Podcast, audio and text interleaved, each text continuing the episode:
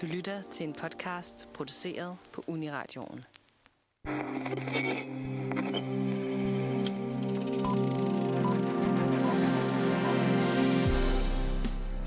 I 1990 vandt Sofia Coppola en Razzie for værste kvindelige birolle i sin far Francis Fords film Godfather Part 3. 23 år senere vandt hun en Oscar for bedste originale manuskript for den anmelderroste Lost in Translation. Nu er hun tilbage i Oscar-territorium med en længe ventet biopic om Elvis' kone Priscilla. Den varmer vi i dag op til ved at tale om Coppolas tre film Lost in Translation, Marie Antoinette og The Virgin Suicides. Velkommen til Filmmagasinet Nosferatu.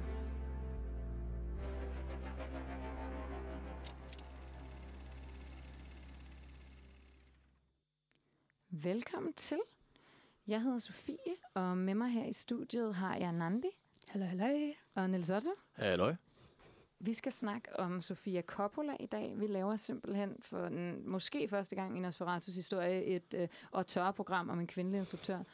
øh, gudskelov er der nogen, der tror- er interessant at tale Jeg tror, vi har snakket om Agnes Varda før. Fedt. Mm. Men det, det går nok et stykke tid siden, så det... Der er ja, helt sikkert... Der er nok nogen. Altså, der er nok nogle programmer derude. Vi har virkelig lavet mange og tørre programmer. Jeg føler bare, at Det er det mange rigtig mænd. mange på det sidste har været rigtig mange mænd. Ja. Øhm, så jeg tænker, at vi lige skal starte med lige at tale lidt om, hvem Sofia Coppola er. Øhm, hun er jo øh, datter af den meget øh, kendte instruktør Francis Ford Coppola, Ja. som har instrueret Godfather-filmene. Kæmpe, øh, kæmpe film. Ja, og Apocalypse Now og, og Dracula og alt muligt. Altså, han er sådan Ja, en ret fed instruktør, i hvert fald øh, i en periode, og så faldt han lidt fra det igen. Men det var sådan... Ja, en af de helt store fra, fra de der sådan nye amerikanske øh, navne, der kom og banebrød på den ene eller den anden måde. Ja, stor, stor mand i Hollywood. Ja. Øhm, og så faldt vi lige ud af, lige på falderæbet, inden vi gik i gang med at optage, at hun har, hun har både været gift med Spike Jones og øh, været øh, kærester på et tidspunkt, ja. datet med dated Quentin Tarantino. Og sådan, ja, hun er helt ind i, i filmindustrien, Ja. ja. må man sige. Og det er også altså, det er sjovt, fordi nu snakker vi jo om, om en, en, en instruktør, en person, hvis familie bare er en filmfamilie. Altså det der med, som vi også snakkede om, for vi, vi snakker mange ting, før vi gik live, den der forberedelse med, at, han, at hun, hendes, hendes kusi, øh, fædre er øh, Jason Schwartzman og Nicolas Cage, Ja. og at hun er den tredje generations Oscar-vinder i en familie, fordi hendes farfar også vandt en for bedste soundtrack på et tidspunkt. Altså det er jo bare sådan en, en, en filmfamilie, hun kommer Ja. fra, hvilket er ret fascinerende. Det er sådan definitionen på en nepo baby i Hollywood. Hun er. Ja. altså sådan født dybt dybt inde i Hollywood-eliten. Sådan Og, et på netværk. ja, totalt. Og sådan, hele hendes øh, ja, sådan datinghistorik og hendes familie og sådan noget er, er dybt vævet ind i the fabric of Hollywood. Øhm, så så er det jo spændende at tale om, om vi så synes, at hun har earned sin plads også. Ikke? At det er jo sådan... Det er jo sikkert nemmere at blive instruktør, når man kan få sin far til at producere sin første film. Ja, yeah, gør det i hvert fald lidt nemmere end, end andre, der ikke har den mulighed. Og efternavnet Coppola. Og efter. Ja. Ja. Men øhm, inden vi går i gang med at snakke om de film, vi skal tale om, vi skal tale om Lost in Translation selvfølgelig, som var den, vi nævnte her i introen, som, som Sofia Coppola vandt en Oscar for bedste originale manuskript, som hun også selv har skrevet øhm, for. Og så skal vi bagefter tale om Marie Antoinette, og så til sidst om The Virgin Suicide, som er hendes debutfilm, øh, som er produceret af hendes far, fordi at sådan er det, når man skal i gang i Hollywood, så det er dejligt nemt. Og jeg vil lige starte med at spørge jer, hvad er jeres forhold til Sofia Coppola? Vil du starte, Nandi? Det kan jeg godt.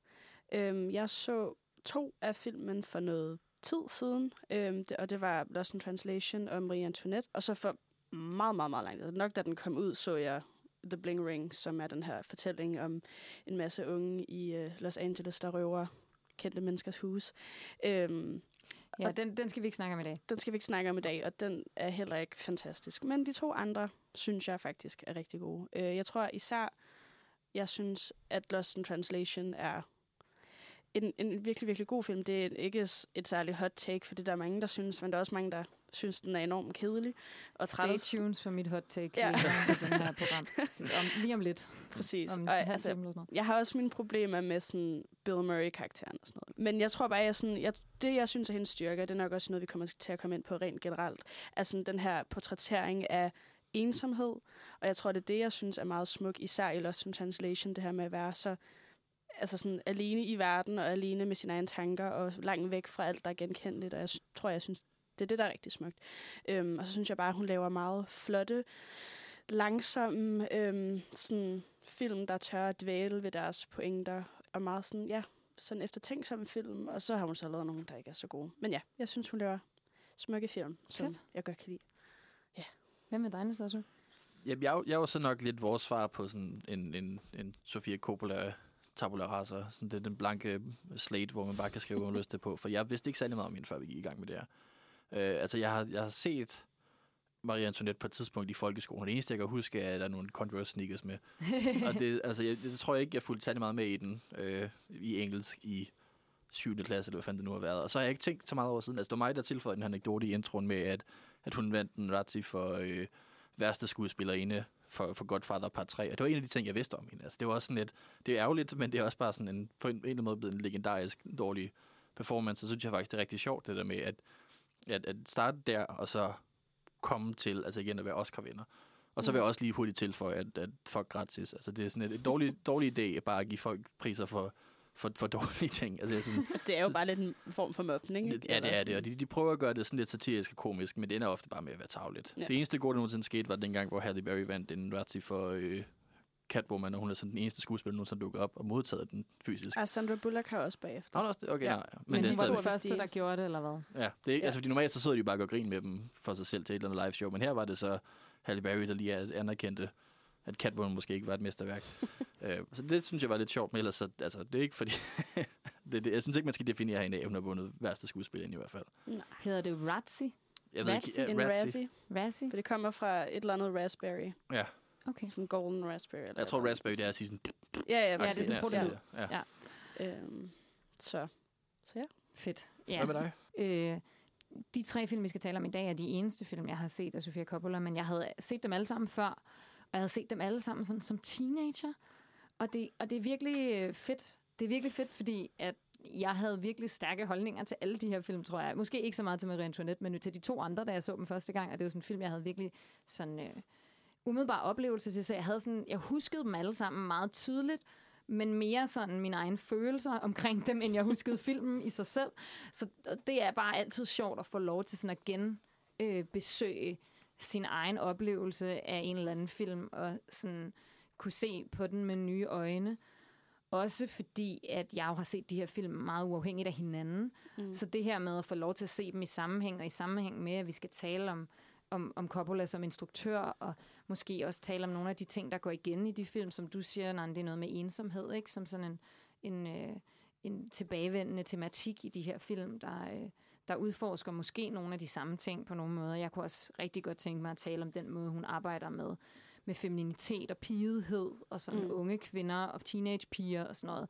Noget, som jeg synes er enormt interessant, at, at det så er hende, der skal instruere, instruere Priscilla, som jo altså, øh, var en, en teenagepige, der blev kærester med en voksen mand, Mm. mm. øh, og gift øh, senere med en voksen mand. Øhm, Og en film, som på en eller anden måde også mere eller mindre et svar på, i hvert fald, hvordan man snakker om Elvis og Priscilla. Og nu er der jo lige kommet den der Elvis-film, eller det kom jo så sidste år, men Ja. du ved, hvor, hvor det har været en, en kæmpe diskussion, som jo stod sådan lige godt glat over nogle af de sådan, bump, der er i hans historie. Og simpelthen, ja, ja, den, den går slet ikke ind i. Nej. altså, sådan, Men jeg den tror, øh, romantiserer det jo faktisk. Ja, ja, præcis. Så Den det er også siger, derfor- den ikke gør det, men, ja. men det gør den. det, og det er tror så jeg, derfor, du og jeg har talt om på en podcast før, Nante. Jeg, lavede vi ikke Jo, den der lavede Oscar? Oscar-podcast. program ja. sammen. Så hvis I går tilbage i Nosferatus katalog, når I er færdige med at høre det her program, så kan I øh, høre øh, Nandi og jeg tale om Oscars øh, sidste år, Ja. ja. hvor at vi øh, også øh, kritiserer Elvis-filmen en lille smule. Ej, vi, vi gav den nogle hug. Men, Ja, øh, for netop for at øh, stryge meget let og elegant hen over øh, Mm. Elvis' problematiske relation ja, og uden til... vidstheden om, at der så faktisk var i gang med at blive lavet en film om Priscilla, så det er jo egentlig Det er meget skægt, smukt. at Det er meget full circle-agtigt, vi Ja. står her igen nu. Det synes jeg er, er, er virkelig smukt og virkelig vigtigt at give stemme til, Mm. øh, til Priscilla, og hvilket nok også er noget af det, vi kan komme til at tale om, for eksempel med Marie Antoinette, noget med øh, at give stemme til nogle, nogle mennesker, som har været meget omtalt, men som ikke har fået lov til at fortælle deres historie selv. Og med det kan det være, at vi skal gå i gang med at tale om de forskellige film. Det er måske ikke så relevant for Lost in Translation, som vi starter med, men så vil vi vende tilbage til det lidt senere.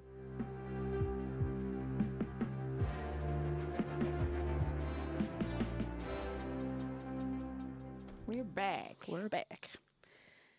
Ja, og vi skal nu snakke om Lost in Translation. Og vil du fortælle os lidt om, hvad den handler om, Niels? Ja, det vil jeg gerne.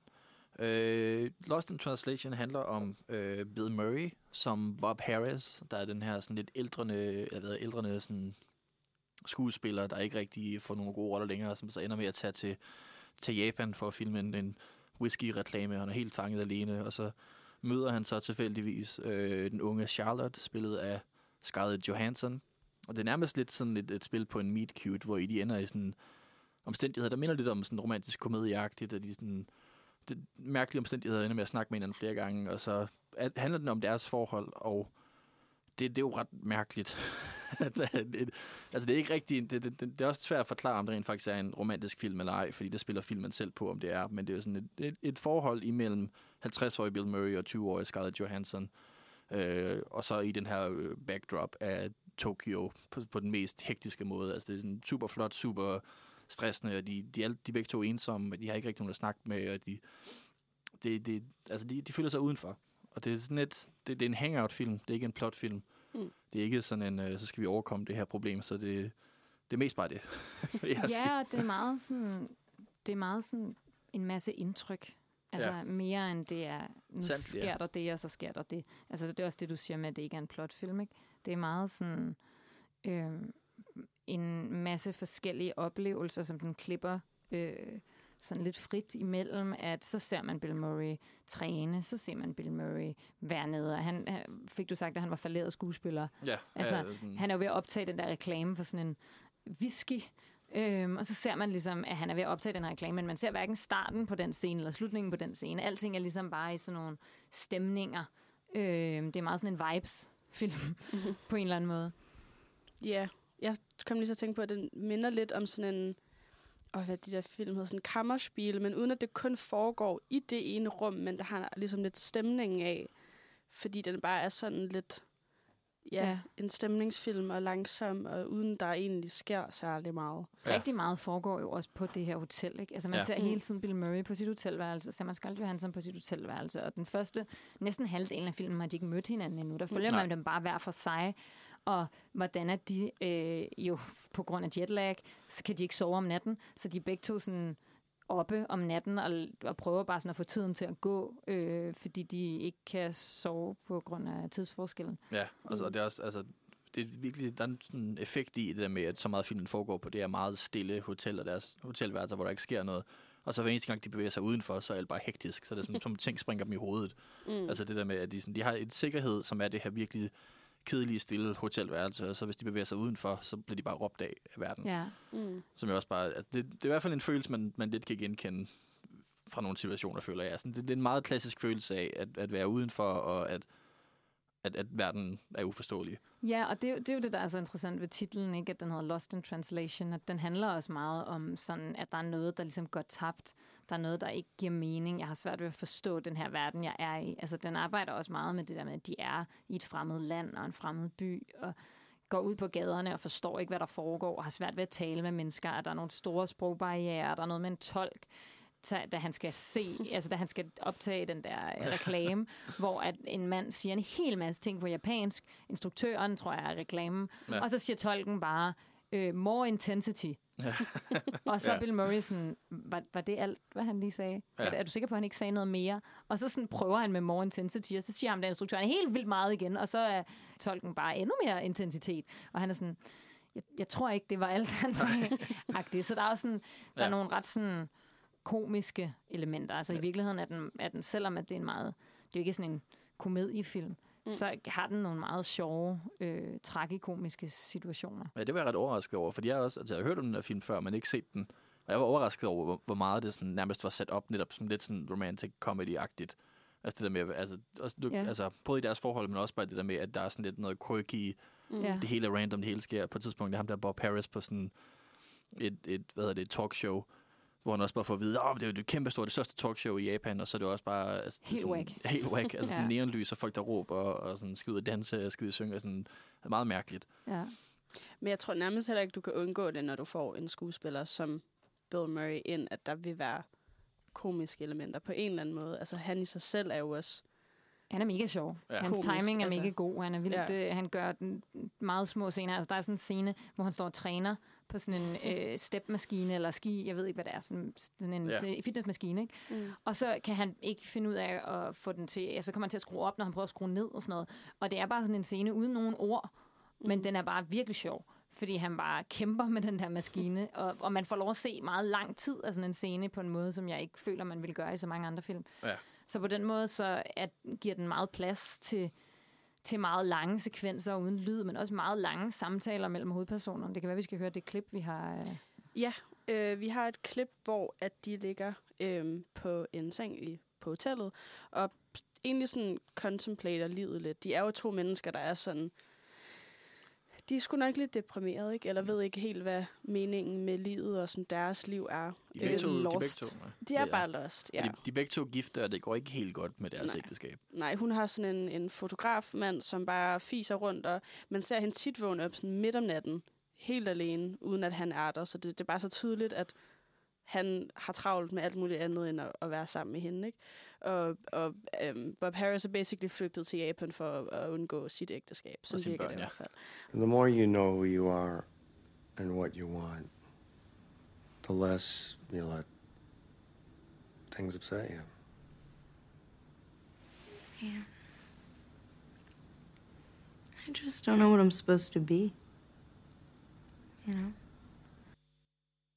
Og det er meget sådan, filmen er, ikke? At den er meget stille, og deres samtaler er meget sådan øh, langsomme, og sådan, der er tit meget lange pauser, øhm, fordi de bare er sådan lidt, lidt opgivende, eller sådan lidt ja. magtesløse på en eller anden måde over den situation, de begge to er fanget i. Ja. Øhm, så, så den indkapsler fint deres sådan, relation, at det er meget sådan, de sidder og filosoferer lidt. Og så nogle gange er de også ude og have det sjovt, men tit er det sådan lidt, jamen sådan lidt, det føles lidt som sådan en, en drømmesekvens, eller Ja. Sådan et eller andet.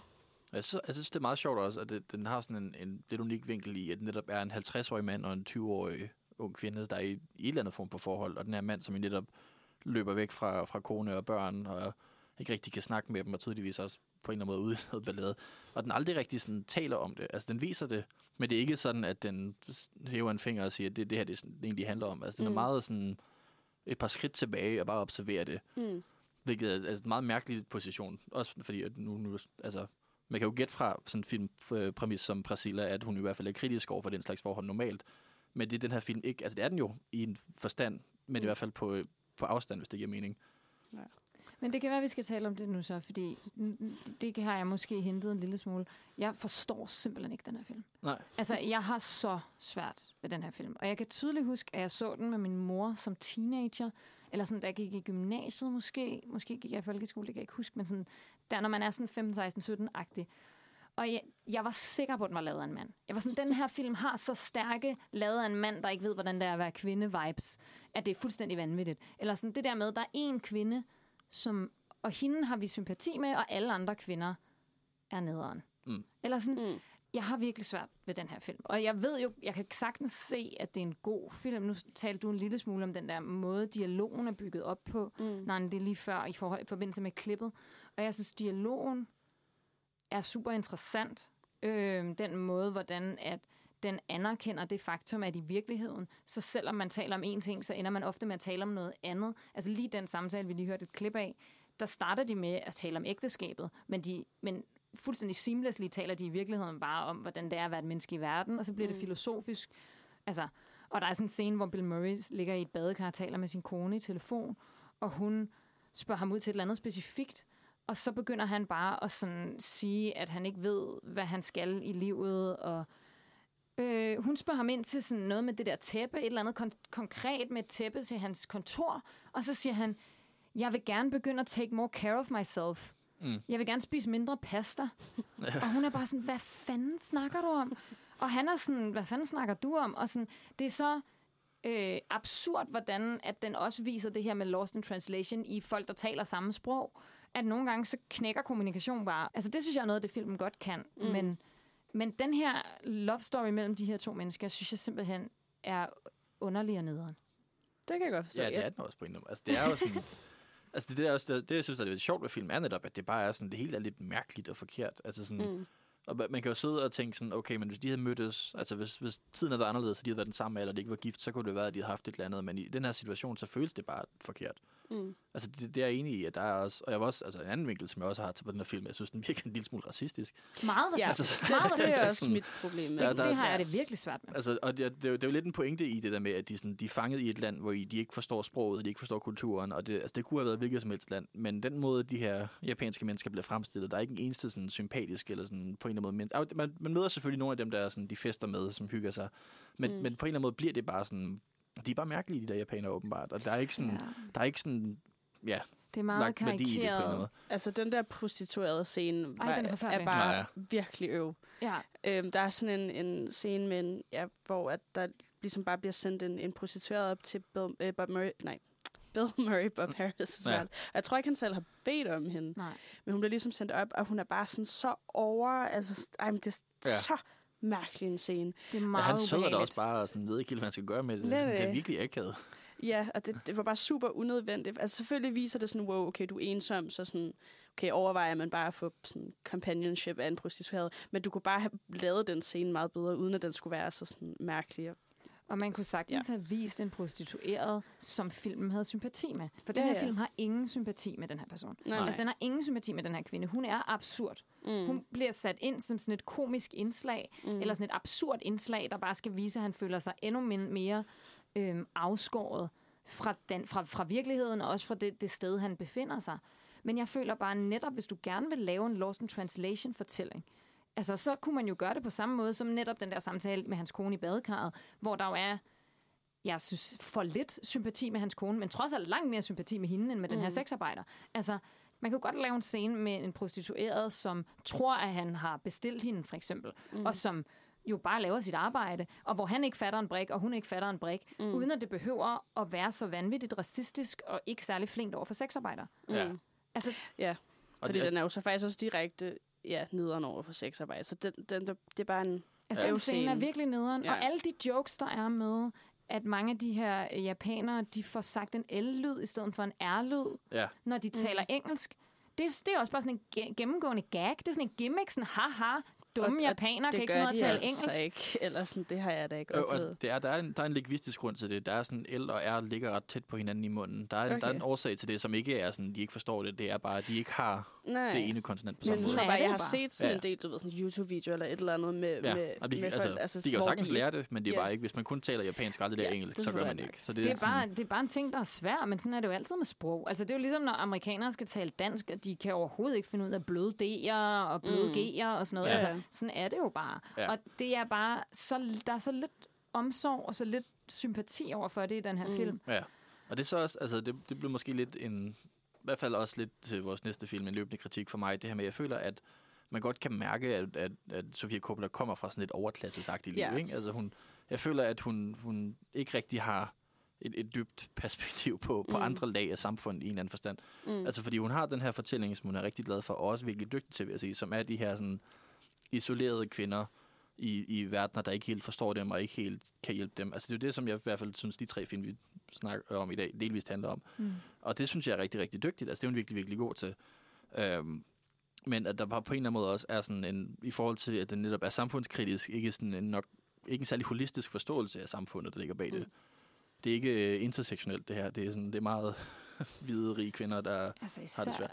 den her film er meget lidt intersektionel. Altså. Ja. Men, men det er rigtigt, det er man, Marie Antoinette måske heller ikke. Men altså, jeg synes jo heller ikke, at den her film er feministisk på nogen måde. Altså, jeg Mm. synes jo, jeg kan simpelthen ikke... Og det kan godt være, det er fordi, jeg så den som teenager og havde den with the power of a thousand suns. Og Ja. jeg har svært ved at adskille mig fra det sted. Det kan være, hvis jeg så den for første gang nu, at jeg var bedre til at se lagen i den. Men jeg, sådan, jeg kan ikke forstå romancen. Den, den giver ingen mening for mig.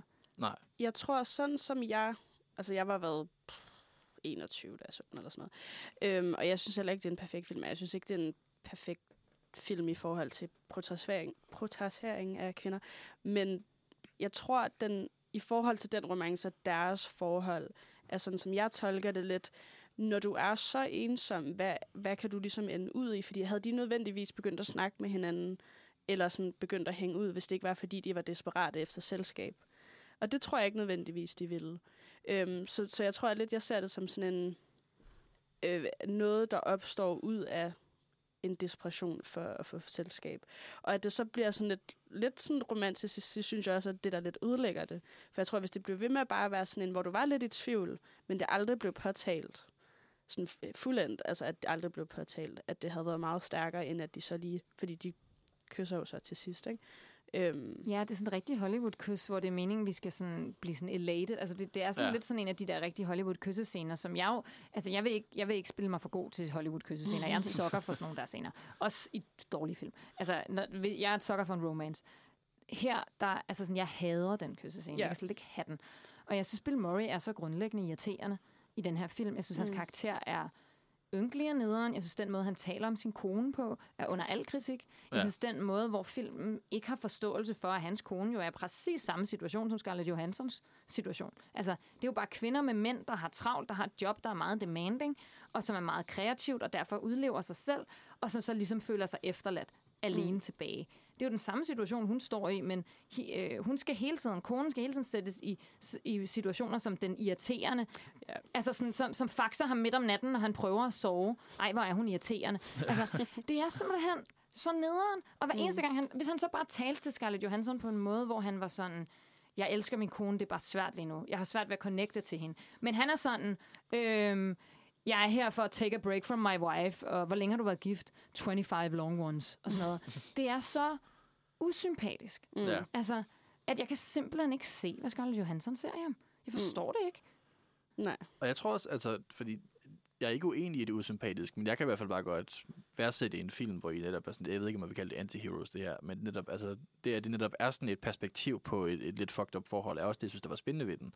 Præcis. Altså, at det netop er sådan omstændighederne bag det, og hvordan de kommer sammen, og hvordan de sådan, ja, begge to mangler noget, og prøver at finde det, og ikke rigtig kan finde det i hinanden, men alligevel, de har ikke nogen andre at se til. Altså, det, jeg synes, Ja. det, at det, det er spændende sådan, portrættering af det som et problematisk forhold. Ja. Øh, Mm. Så hvis man ser det som en romantisk film, og det er sådan et, dream relationship, netop med, og det er jo også det, altså, igen, der er det der kys til sidst, og jeg sagde jo også, da jeg præsenterede filmen, det er sådan lidt en meet cute-agtigt i starten, det der måde, at de sådan, bliver at møde hinanden i baren, og de sådan Mm. mm. sidder og Ja. flytter lidt, og sådan, altså igen, det, det kunne have, hvis det havde været en, en anderledes film på flere punkter, så kunne det jo sagtens bare være en, en klassisk romantisk komedie, det her. Mm. Og så kunne det bare have været et forhold, hvor de mødte hinanden og blev forelskede, men, men der er bare nogle ting i den her film, der gør, at det hele føles forkert. Og, og filmen tager afstand fra det og lader dig selv se på det, men kommenterer ikke selv på det, som jeg også sagde tidligere. Det er det, jeg synes, der virker i den her film. At den ikke nødvendigvis udpeger, hvad der er forkert, men, men stadigvæk viser, hvad der er forkert. Ja, fordi den, den observerer jo bare, så, så man kan godt have sine problemer med, at den ikke er kritisk, men det synes jeg også, som du siger, film godt må. Altså, Ja. de, alt efter, hvad de portrætterer, ikke? Men, men det der med, at de, den får lov til bare at være problem, eller sådan mærkelig og, og underlig, og, altså, ja, problematisk i virkeligheden. Sådan. Det synes jeg også kan et eller andet, at den...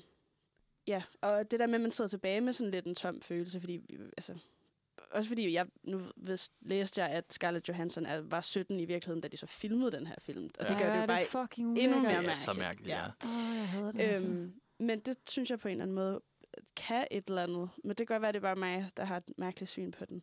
Øhm, men Men, Nej, det er jo alle. Ja, den er Ja. ret populær. Altså, det er jo den store... Den er meget Sofia populær. Coppola Ja, film, jeg kan virkelig godt lide den her film. og så, ja, jeg tror også på en eller anden måde, jeg godt kan lide Bill Murray-karakteren i det faktum, at han bare er pisseirriterende. Øhm, fordi han er ikke sådan en, en held, der redder hendes dag, eller sådan. Han er bare lidt mærkelig og ja, ynkelig, ja. Som du siger, Sofie. Altså sådan, ja. Og, og det var også lidt, altså når man kaster Bill Murray, fordi han spiller altid røvhuller. Altså Ja. han er jo virkelig, virkelig god til, også i Ghostbusters og i Groundhog Day. Altså han er jo bare sådan lidt en nar i de film. Men der er det jo bare sådan nogle hyggelige komedier, og det var det, og så måske lærer han at lære streg, måske gør han ikke, det var det, og sådan det der med sådan, okay, hvad hvis man tog den karakter og bare satte ham i virkeligheden? Altså sådan, det er også lidt det, som den gør på en eller anden måde. Og det, ja, det er altså, det, det synes jeg godt kan noget. Altså sådan, den her klassiske igen. Hvis den leger lidt, hvis, jeg, jeg forestiller mig i hvert fald, at den leger lidt med sådan de der klassiske komediegenre, og sådan netop trækker fucking Bill Murray ind, og så lader ham Ja. være et røvhul. Og jeg synes også, det er ret spændende i forhold til sådan, ja, spændende, men, men en af de, de ting, der har været med Bill Murray, er jo også bare, at han, han gider jo ikke lave film længere. Altså, han er jo fuldkommen ude af det, og han, altså, han, han nægtede at lave andet, end den gang, man blev op for en ny Ghostbusters-film til at være med i 20 sekunder og tjene 20 millioner kroner, eller dollars. Øh, men af en eller anden grund, så er han i hvert fald rigtig glad for at arbejde sammen med Sofia Coppola. Altså, de har også lavet en film efter det her, så lavede de også Bill Murray Christmas Special og sådan på Netflix. Altså, det er sådan, Mm. det er lige Sofia Coppola og øh, Wes Anderson, som kan trække Bill Murray ud af ud af bare at sidde og være sur i sådan... Men han siger jo også, at det er hans egen altså favoritrolle, eller sådan hans yndlings, sådan den måde, han har været på en film, eller hvad man skal sige sådan. Han, det var det, han synes, han gjorde hans bedste arbejde øh, med Sofia Coppola i den her film. Ja. Så det giver jo mening, at han måske har prøvet at jagte den følelse igen. Eller sådan. Jeg tror, så vidt jeg ved, blev han jo også Oscar-nomineret for den her rolle. Øhm, så det giver mening, hvis det er den eneste Oscar-nominering, han har fået, at han gerne vil arbejde med den instruktør, der ligesom... Bragt det frem Ja, i det ham, præcis. eller Lige sådan. præcis. Jeg tror også, altså, jeg, jeg synes jo, han gør det virkelig godt. Mm. Øhm, men jeg, og jeg tror i virkeligheden, at det er meget små ting, man kunne have ændret for ikke at få mig til at style. Fordi det, jeg kan også mærke, at det er sådan, at jeg har sådan en meget følelsesmæssig reaktion på den her film. Jeg Mm. synes, Ja. ja. jeg synes, det er vildt ubehageligt, den måde, den starter på sådan det der shot af øh, Scarlett Johansons booty. Ja. Mm. Synes jeg er- vildt grænseoverskridende og er- meget er- seksualiserende. Altså, ja, hver eneste gang, hun er alene i lejligheden, så har hun næsten ikke noget tøj på. ja, Men det vil jeg så sige, altså, det tror jeg, der er mange, når de er alene i deres lejlighed, der ikke har så meget. Hvor tøj det er rigtigt, men der er et kamera. Altså, det er jo Nå, det, der ændrer ja, situationen, ja, ikke? ja, Altså, ja. der- Ja, Men og, sådan- og, og, og det gør bare en forskel, hvordan man portrætterer sådan nogle ting. Ikke? Fordi Jo. jo. Bill Murray er jo ikke nøje, halvnøgen i, lejl, i, i, i, Nej, i hotelværelset. Altså for eksempel den der kyssescene, som, som virker så meget, som om filmen synes, at det er godt og rigtigt og vigtigt, at de får den her, den her del af deres relation, er en af de ting, som jeg vil, altså som, som, som gør det svært for mig. Mm. Og sådan generelt den måde, han taler om, på sin, om sin kone på. Ja. Altså, fordi der er scener, hvor jeg får meget sympati for ham, og hvor jeg sådan føler for ham netop som sådan en lidt røvhulsagtig karakter, men som filmen har omsorg for, ikke? Mm. Og så får han bare talt så nederen om... Altså, vi kan jo godt lave en film, der taler om, hvor svært det er at være i et ægteskab. Vi kan jo godt have en karakter, der er utro, fordi det er han jo også. Han er, også, han er utro med en eller anden dame, der synger nede på restauranten en eller anden aften. Og så bliver Ja. Scarlett Johansson mega jaloux. Ej, sådan, åh, den scene kan jeg heller ikke Nej. tage. Øhm, fordi det er også underligt urealistisk, fordi så vild har hun ikke virket med ham indtil da. Og så er det sådan en klassisk kliché-ting, men lige så snart hun ser ham med en anden, og så sådan den måde, den også behandler andre kvinder. Altså, Ja. Ja. altså den måde, den behandler Anna Faris. Ja, ja. Der er sådan en skuespillerinde, ung skuespillerinde, der er, der er in town også i Tokyo, som kender øh, Scarlett Johansons mand, fordi Scarlett Johansons mand jo er fotograf, mm. som vi møder en gang imellem. Og Anna Faris er jo grineren. Altså, hun, Mm. er, hun er jo en kom- komedieskuespillerinde primært. Ikke? Det er jo hende fra sådan noget Scary Movie og sådan noget. Ikke? Ja. Hun er Og god nok Mom og The House Bunny og sådan Ja, noget. hun er god til at være sådan øh, karikeret øh, lol-karakter uden dybde. Øh, Mm. Ikke fordi jeg tror, hun ikke har dybde. Jeg tror egentlig, hun er en dygtig skuespiller. Mm. Men hun, det, det er de roller, hun er blevet typecastet til. Ikke? Og Ja. her er hun typecastet til at være...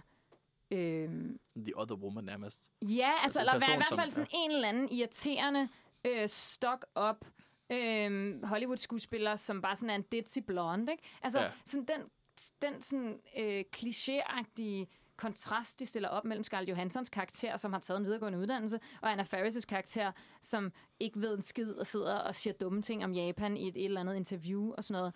Ja. Det er så kvindefjendsk. Eller sådan, jeg, Ja. og, og netop noget af det, som jeg synes, vi skal tale om med de andre film, vi skal tale om her, det er, hvor vanvittigt dygtig jeg synes, Sofia Coppola er til at portrættere femininitet med omsorg og med kærlighed og med øh, fra et feminint po- altså perspektiv og ind i sådan det, det pigede og det sådan dom blonde i virkeligheden ved, ved Marie Antoinette.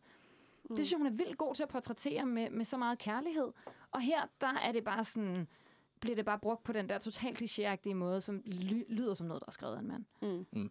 Og det er også, altså, jeg synes også, det er særligt sjovt netop, fordi, at, det fik du mig også lige til at tænke på nu, det der med, at, at fordi Bill Murrays karakter netop føles som sådan en, en rom-com-karakter, taget ud af en rom-com, hvor i at Anna Faris karakter bare føles som sådan en komediekarakter, som aldrig rigtig får noget dybde. Altså det er sådan, Mm. i forhold til, at hvis man gør det til sådan en mere realistisk version af en komedie, så er hun bare den der sådan, altså hun sidder og snakker om, at hun har filmet en eller anden actionfilm med Keanu Reeves, og sådan, og vi havde masser at snakke om, fordi vi har begge to to hunde, og sådan, altså hun, altså hun bliver bare overfladisk på sådan en virkelig klassisk komediekarakter måde, Mm. hvor man jo netop godt kunne, kunne have givet en lidt dybde.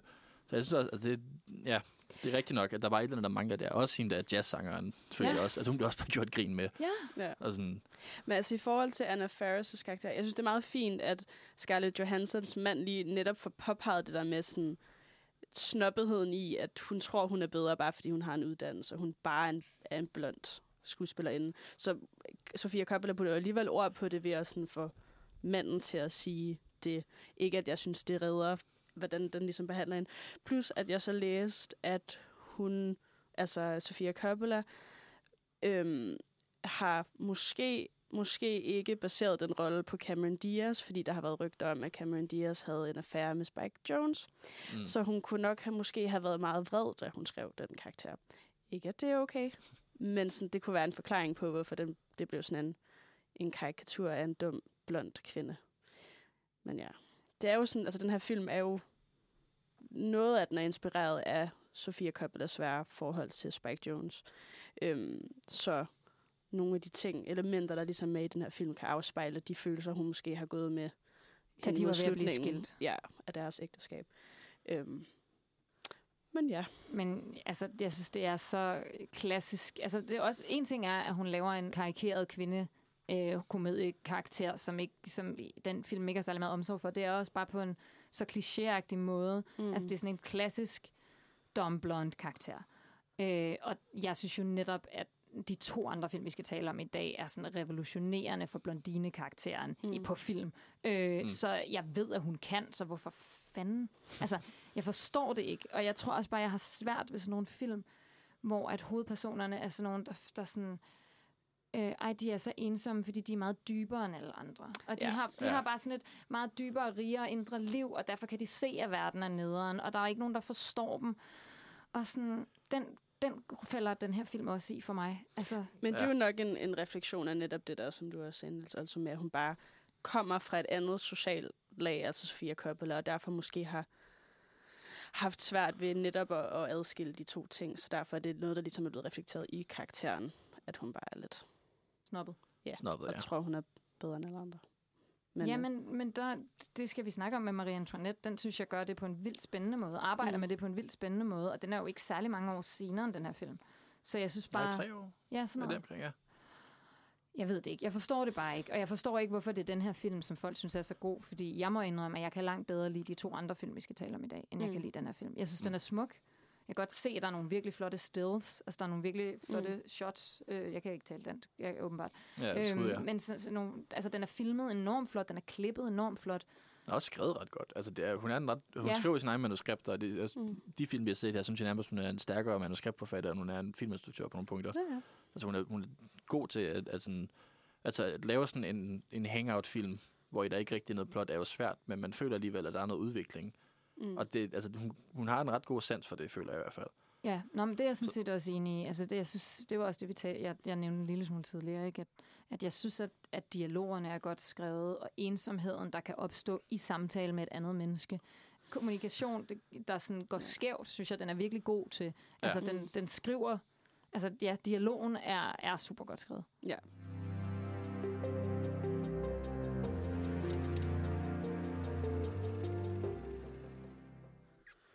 Så er vi tilbage igen. Og vi skal snakke om Marie Antoinette nu fra 2006, mener jeg. Yes. Øhm, og den handler om Marie Antoinette, som var en øhm, østrisk... Hvad var hun? En, en eller anden form for adelsperson, Mm.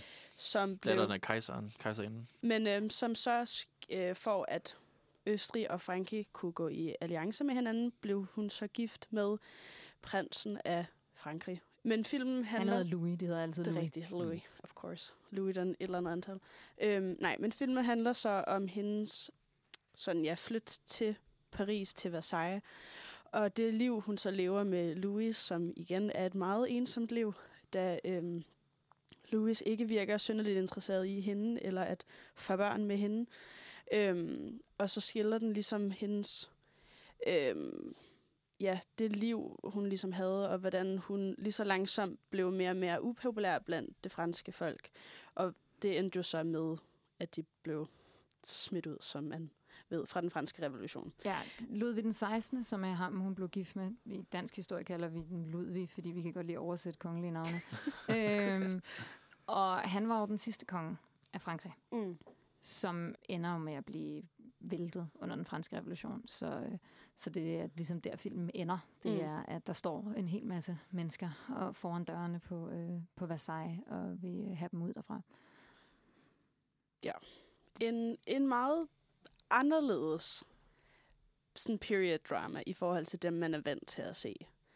Fordi den skildrer den på sådan en meget sjov, sådan det kunne godt lidt ligne en en biopic, altså en superstjerne, eller sådan... Den, Popstjerne. ja, lige Mm. præcis. Den, den vibe, den ligesom har, er så anderledes i forhold til, hvad man er vant til med sådan nogle period dramas, på, synes jeg, en meget effektiv måde. Ja. Øhm, fordi den kunne sagtens have været mere dyster, netop fordi hun bare endte med virkelig ikke at være særlig populær blandt- det franske folk. Øhm, Den ja. foretager jo en ret bold, synes jeg, altså en ret modig handling ved ikke at give særlig meget taletid til det franske folk. Ja. Eller sådan til, til, til pøblen. Altså, den foregår primært på Versailles, altså det her, øh, det her kæmpe store slot i Frankrig. Jeg ved ikke, om I har været. Det ligger uden for Paris. Jo. Fuldstændig sindssygt sted. meget, Øh, meget flot. Ja, vanvittigt flot sted. Det her er jo en, er jo en, en totalt dekadent oplevelse at se den her film, fordi alle, altså alle shots er jo inden fra det her vanvittige slot, så alt tapetet og alle møblerne og alle kostymerne, alting er fuldstændig overdådigt. Altså, Mm. der er så meget at kigge på. Jeg tog så mange screenshots, mens jeg sad og så den her film, fordi jeg var sådan, wow, den, det her billede er så smukt. Ja. Og sådan, Og det er åbenbart også lidt unikt, de har fået lov til at filme der. Altså, det er ikke mange film, der får lov til at filme Ja. der, men de sådan... Ej, de filmede der øh, hver mandag, så jeg et interview med Kirsten Dunst. Så mandagen fik de lov til at filme på Versailles. jamen, det er jo også sådan et sted, hvor at man tjener en masse penge på turisme normalt, ikke? fordi ja, folk kom, kommer ind. Altså glassalen, som også er der, hvor de holder bal og sådan noget. Oh, sindssygt flot. Altså. Ja. det er jo sådan helt absurd at være derinde. Øhm, og det er jo også det, som den film skildrer så fint, synes jeg. Den der absurditet. Altså noget af det første, man ser efter at Marie ligesom er ankommet, og de er blevet gift. For de bliver jo også gift sådan hedder det ikke, en absentia, hvor ingen af dem er til stede. Så bliver de gift i deres respektive lande, for så at møde hinanden, og faktisk teknisk set allerede været gift, for så at blive gift igen. Øhm, og så sidder de her til de her morgen, bord. øhm, og de sidder bare de to, og der er sådan 20 mennesker omkring den, og der er et live sådan øhm, string orchestra, der spiller for dem, og sådan, ja, men den, den er så absurd på sådan en virkelig, virkelig interessant måde, og nu ved jeg jo ikke, hvor meget af det, der faktisk er autentisk, men det er jo også noget med, at der var 10 kvinder, der skal hjælpe med at sådan, at påklæde Marie Antoinette hver morgen, og sådan, Ja, og det gør de en hel komediescene ud af. Ja, det der ja, med, altså, det, der er sådan en rangorden på, hvem der skal give hende de forskellige øh, beklædninger på hver dag. Altså, når du kommer der ny ind, så hun er højere rank, så skal hun Ja. faktisk, og så tager det forfra og Ja. begynder, og det er sådan... Altså, den er ikke krediteret som en komedie, men der er flere scener, hvor jeg føler, at den er komisk. Ja, den er sjov. Jeg Den er synes, sjov, den er ja. sjov, ja. Mm. Øh, men det er jo det samme med Lost in Translation er jo også sjov, selvom den ikke Ja. ja. direkte er en komedie. Øhm, og, og den der scene er jo vildt grinagtig, hvor hun, de tager tøjet af hende, og så øh, står hun helt nøgen og skal have noget mere tøj på. Og det er så, koldt i rummet også. og der er mega koldt, hun står Ja. og fryser virkelig meget.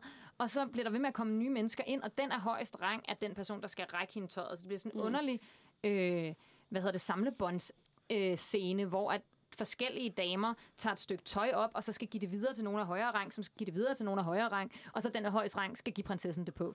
Ja, og fordi der blev ved med at komme folk ind i rummet af en højere rang, så blev hun jo ved med at stå og være nøgen foran de her flere og flere mennesker. Ja. Og man Ja. kan bare se hendes sådan, kropslige ubehag ved, at hun jo netop står splitterravne nøgen foran en ja. Hel masse mennesker, hun jo overhovedet ikke kender. Og så bliver de bare ved med at komme, og hun bliver ved med ikke at få det der skide tøj på. Hun Ja, bliver hun ved med at den meget godt. åh, det er koldt. Og det, få og noget det, tøj på? det er jo igen lidt det der det samme, som der også var i Lost in Translation, med sådan at være fanget i et fr- et fremmed land. Altså, mm. Hun kommer fra Østrig over til Frankrig, de har nogle helt specifikke kulturelle traditioner, som man ikke rigtig forstår sig på. Og altså, du ved, hun er er alene, hun kan ikke rigtig forbinde sig med nogen sådan følelsesmæssigt, så det er sådan lidt, det er den samme film igen. Ikke den samme Mm. mm. film, men du ved, sådan, det er den samme, i hvert fald nogle af de samme tematikker, der går igen her.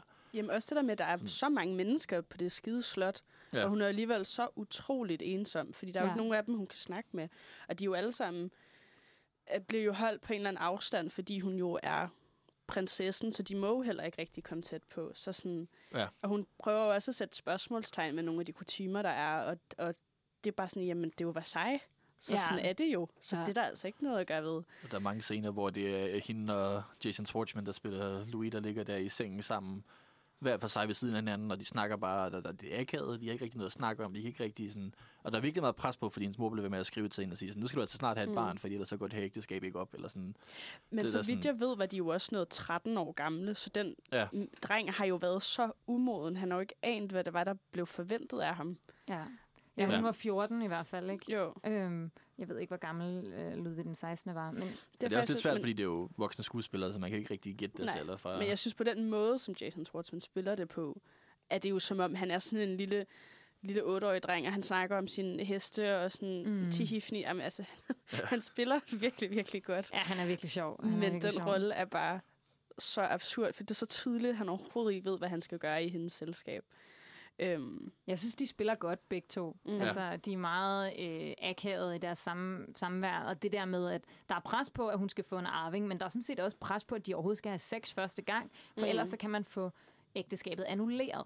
ja. Altså, og Nå, det var ja. det, man gjorde dengang. Konger gjorde, hvis de gerne ville have en ny kone, og hende, deres, den kone, de allerede har, ikke havde produceret en arving, så der ikke var noget bevis på, at de havde haft sex, så kunne man få ægteskabet annulleret, fordi det var sådan, nej, vi har ikke bollet. Mm. Øhm, og, øh, og de har jo ikke sex de første, første lange tid af deres ægteskab, og hun prøver virkelig, og han altså sådan, er så akavet. så akavet. Der er sådan en fantastisk scene, hvor at sådan, man ser kontrasten mellem den daværende konge, der er ham her Ludvig den 16. bedstefar, som har sådan en elskerinde, og han er sådan i forvejen sådan en kæmpe horndog. Han er så Ej, liderlig ja. hele tiden. Mm. Øh, den første scene, man ser ham i, der snakker han om bryster. Altså, ja. der er han sådan, hvor har hun gode patter, hende der, som min barnebarn skal giftes med. Og hun er bare 14 år gammel, det er så Ja. ja. klart.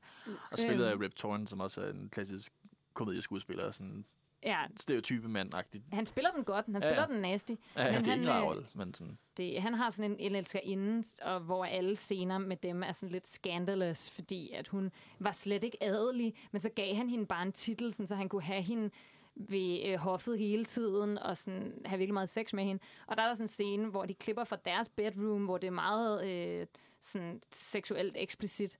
Og, eller det, det er scenen er ikke eksplicit, men deres samtaler er meget sådan, det er sådan noget med, at hun lader som om hun er en kat, og han jagter hende Mm. og rager på hende og sådan noget. Og så klipper den til Marie Antoinette og Ludvig den 16., der ligger i deres seng, sådan helt kyske med armene over dynen, og sådan helt sådan akavet på ryggen begge to. Og så er øh, øh, Jason Schwartzman, altså Ludvig den 16., sådan, vidste du, at de første låse var lavet af træ? og så er hun sådan, spændende. og der er, altså, der er Sofia Coppola også en modeinstruktør, fordi hun lader bare de der scener tr- trække ud. Mm. Altså, Ja. hun, hun venter bare. Altså, sådan, så at den der scene bliver virkelig lang. Tav- Tavsheden bagefter står der bare og hænger i luften. Og det er så grineren. Altså, det er virkelig sjovt. Ja. Det er bare, uha, den stakkels kvinde. Og det er igen lidt sådan en hangout-film, eller i hvert fald den forstand, at der ikke er det der sådan konkrete plot med... Altså, i den her er der mere en tråd i, at, at hun netop skal konsumere ægteskabet, ellers så falder der noget sammen. Men det, det er ikke sådan... At det, det, det føles ikke som sådan en treaktstrukturfilm. Det er mere bare sådan, nu er vi i den her situation, og der er de her karakterer, der sker, og det ja. er netop sådan... Vi har ikke travlt med at komme videre til det næste punkt. Altså, man kunne sagtens have lavet... Altså, der, er det bliver næsten ikke nævnt, at pøblen er sur. Altså, der kommer Nej. lige der enkelte situationer, hvor det er sådan, nej, folk er fattige derude, og sådan... Men det er ikke sådan, den handler ikke om det, er som der måske er det mest kendte, som er det her, øh, den revolution, der kom lige efter, hvor de ja. Alle sammen døde. Og det er ikke sådan en, man kunne sagtens have haft det som sådan en hængende sort sky over hele filmen, at man ved, at lige om lidt, Ja. så dør Marie Antoinette rimelig brutalt. Mm. Øh, Ja, man kunne have overskrevet kontrasterne. Ja. Altså, man kunne have klippet mellem de fattige mennesker, der sultede på gaden, og den her, øh, den her dekadente overdådighed, som de her lever i. Og, Ja. og det synes jeg er vildt spændende, at den ikke gør. Og vildt Mm. modigt, synes jeg. Altså, fordi det vil jo gøre, at man ligesom ville øh, få det dårligt med, at de levede så dekadent. Men i stedet virker det, som om den her film prøver at vise, altså få os til at forstå Marie Antoinette, hvorfor er hun ikke øh, havde sympati for de her mennesker, netop fordi, at hun ikke oplevede det. Hun så det ikke. Ja. Og så ser vi det heller ikke. Så vi får lov til at sætte os i hendes sted, Mm. netop ved, at vi bliver behandlet på samme måde, som hun gør. Og, og det er alligevel også det der, hvor jeg har et kritikpunkt. Altså det, det var i hvert fald ikke så meget for mig, og der, må, der er jeg måske også mere den klassiske sådan, mandlige historie. Jeg er mere interesseret i revolutionen, end jeg er i Mario Antoinettes øh, personlige liv. Og det, det er netop sådan en ting, der ikke rigtig er der. Og en af de elementer, den også sådan meget kort går over, er det her med, at hun havde fået bygget Altså Marie Antoinette, som der jo øh, brændte rigtig, rigtig mange penge af. Altså hun, Mm. hun virkelig, det gør de også en point ud af i filmen, at hun, hun tømmer øh, banken-agtigt. Øh, og hun blandt andet også bygget den her landsby, som de sådan besøger på et tidspunkt i filmen, som er den her landsby, hun byggede, som, så hun kunne lade, som om hun var fattig. Som er sådan en meget klassisk, det der sådan rige mennesker, der sådan, synes, det er sjovt at lade, som- altså sådan, Ja, så det der med, at hun går ud, og sådan, så kan hun selv være med til at mælke køerne og sådan noget, men det er Nå, stadigvæk ja. inden for borgerne, det er stadigvæk sådan i sikkerhed, og det er stadig, sådan, stadig dekadent. Og, og sådan, altså, igen, nu forsvarede jeg, at, at den anden film godt kunne være lidt om sådan, ikke, ikke rigtig antihelte, men i hvert fald den problematiske karakter. Jeg synes også, det er fedt at få Marie Antoinettes perspektiv, så 100%, men jeg var også mere interesseret i, du ved, det andet lag, som netop det, du Mm. siger, den springer over. Og jeg kan godt forstå pointen i det, og der tror jeg også, jeg har sådan en, igen som jeg også sagde, det der med, at jeg føler, at Sofia Coppola er en lille smule overklasse, øh, eller en overklasse person generelt. Og der, der havde jeg også lige sådan en personlig sådan, Uh, det gør lidt ondt, fordi jeg er i hvert fald jeg er sådan spirituelt en ex-punker, og der er rigtig meget af sådan noget punkmusik, og altså du ved, The Strokes, og øh, ikke, det er ikke punkmusik, men der er Susie Sue and the Banshees, som er lidt mere punket, og i et, øh, Lost in Translation, der synger de karaoke til Sex Pistols og sådan noget. Jeg kan godt lide den æstetik, og der føler jeg ikke, at, at, man, at man kan ikke lave sådan nogle ved, over middelklasse, øverklasse film, hvor man så bruger æstetikken, og så ikke samtidig også på en eller anden... Altså det, jeg synes i hvert fald, jeg savner noget, at den så lidt mere i øjnene der. Mm. Øh, I hvert fald for, hvad jeg havde lyst til. Ja, Jamen, øh, det er jeg meget enig i. Jeg tror, det den kunne have gjort, var, fordi hun var jo et barn, da hun ankom, og det er Ja. derfor, den jo også er meget barnlig i starten, og en meget barnligt syn på verden og syn på det her sådan glamourøse. Men i takt med, at hun jo så blev ældre, og jo også begyndte at sætte spørgsmålstegn. For eksempel det her, efter hun er født, øhm, så vil hun gerne selv amme sin baby, hvor at kvinden er sådan, nej nej, du har jo en dame til at amme, øhm, så det, det skal du ikke selv gøre. Altså at den så i takt med, at hun ligesom blev ældre og mere moden, også begyndte at sætte mere spørg- sådan, sætte spørgsmålstegn ved alt Ja. det her. Sådan, altså at den blev mere kritisk sådan, løbende, og ikke bevaret den der sådan, øhm, ja, barnlighed, og sådan, på en eller anden måde lidt en romantisering af, Ja. af hele det liv. Ikke? Og så, Øhm, men det er jo formentlig et stilistisk valg, tænker jeg. Ja, og så også lidt det, som vi også snakker om i Lost in Translation. Der føler jeg ikke, at ham der, den gamle Kong Louis, øh, hvad, hvad skal man sige, madame prostituerede type der, hun var heller ikke særlig sympatisk i den der film. Altså der vil jeg også gerne, altså jeg var måske mere interesseret i hendes karakter, sådan en Mm. person, der kommer fra det fattige lag, som der kommer ind i det her omstændigheder, hvor alle hader hende, fordi hun ikke passer ind. Men samt, altså, jeg ved ikke, hvad hendes omstændigheder Jeg tror ikke, hun kom fra sådan helt fattig lag, for jeg læste det- noget med, at hun blev sendt tilbage til et chateau. Og Nej, men det er fordi, at, at hun- er blevet gift med en... For at give hende en titel, fik kongen har hende gift med en eller anden af højere rang, og så sendte ham et eller andet andet sted hen. På en Ja. eller anden officiel opgave. Ej, det er så Ja. absurd. Ja. Ja. Og Men- jeg tror, jeg, er i hvert fald personligt mere interesseret i hendes historie, Ja. end Ja. jeg var Maja Antoinette i meget af filmen. Og jeg følte ikke rigtigt, at hun var andet end sådan, den der sådan, flirtende, sjove, lidt irriterende, whatever, sådan, der bare var fuldkommen med på hans... Altså, jeg, jeg vil gerne have haft en mere nuance der i hvert fald. Ja. ja. Ja, altså den, den, den laver jo sådan en klassisk opstilling af mørkhåret pige versus lyshåret pige, og i den her film, der er det lyshåret pige, der er helt, så derfor er mørkhåret pige nederen, mm. og i den anden film var det omvendt, ikke? Ja. Men generelt igen her er hun jo heller ikke super sådan, sympatisk over for alle andre kvinder end Marie Antoinette. Ikke så meget i hvert fald. altså det ved hun, jeg får, ikke. hun får nogle venner i hvert fald. Den det- er Jo, relativt men- sympo- sympatisk over for hendes veninder. Ja. Jo, men den veninde, hun har, bliver jo så også bare set som den der, der er sådan en dårlig indflydelse, og får hende til at feste meget og sådan noget. Men så er der hende den anden veninde, hun er da mega sød. Ja, det er selvfølgelig rigtigt. Altså, det, det ved jeg ikke, om jeg vil sige. Jeg, jeg det er i hvert synes, fald, ja, det er bedre end den første. og, og jeg vil gerne sige, altså, fordi det er en pointe med den her film. Altså, det her er jo sådan, som jeg læser den her film. Jeg, jeg er enig med, med dig, Niels, og til det, du siger med, og, og Nandi også, med, med revolutionen og sådan noget. Og det er svært, fordi jeg er ikke sikker på, hvad jeg synes om det. Men jeg synes jo, at den her film er et feministisk statement med sin skamløse lyserødhed. Ja. Altså sådan, i dag går folk og er sådan, uge, det er helt vildt, det Barbie gør nu. Men sådan, den her film gjorde det for 20 år siden. Mm. Ja. Altså næsten 20 år siden, ikke? Øh, 17 år siden, eller hvor længe det er siden. Men altså, den her film er øh, så over the top øh, indulgent i ultrafeminitet. Altså Ja. pigehed, pigeæstetik, på en måde, der ikke fordømmer det på nogen måde, og ikke dømmer det som lavt, og faktisk har enormt meget sympati med det. Altså den måde, at den leger med altså sådan, hendes, hendes overfladiskhed. Ikke? Hendes, den går, I stedet for at sige, det er nederen, at hun er overfladisk, så er det sådan, ja, det er nederen, hun er virkelighedsfjern, men prøv at se, hvor, fedt de, hvor fede de her ting er, og så et øjeblik bliver man selv så overfladisk, fordi man er sådan, mm. wow, de ser lækre ud, de her kager, Ja, er wow, de er virkelig- ja, flotte, flotte kager. de her kjoler, wow, de er flotte, de her sko. Man kommer til selv at blive sådan, og så siger Sofia Coppola, haha, told you, du kunne, det kunne selv have været Marie Antoinette. Ja. Altså, det synes jeg er så spændende, og det er netop derfor, vi ikke ser, det er derfor, den ikke er kritisk, fordi den laver en bevægelse, hvor den, du får dig lullet ind i, du vil gøre det samme. Du vil bruge alle de penge. Du vil drikke den champagne og spise de der kager og elske de her kjoler og de her smukke steder. Altså, den, sådan, den snyder os. Og det synes jeg er vildt spændende. Og det kan være, at vi lige skal høre det der Let Them Eat Cake-klip nu, fordi Ja, det er at- ja. meget relevant i den her kontekst. Det kan jeg tro. Ja, fordi det er så, altså baggrundhistorien på det er jo, at den mest kendte ting ved Maja Antoinette er jo nok, at hun sagde, let them eat cake. Da der Men var der nogen, så der, bare kom også- til... ja. Altså, konteksten er, at der var nogen, der kom og sagde til hende, siger historien. Ikke? Det er jo så sådan Ja. en historie, som er en kendt som fejlrepræsenteret, for der er ikke nogen, der ved, om det var noget, der skete i virkeligheden. Ja. Men mm, øh, historien var, som eksempel på, at hun ikke ved en skid om, hvordan hendes folk har det, at der var nogen, der kom og sagde, folket har ikke noget brød, dronning. Og så sagde hun, hvis de ikke har noget brød, kan de så ikke spise kage i stedet for? Ja. Yes, men det kommer her. And when they went to the queen to tell her her subject had no bread, do you know what she said? Let them eat cake. That's such nonsense. I would never say that.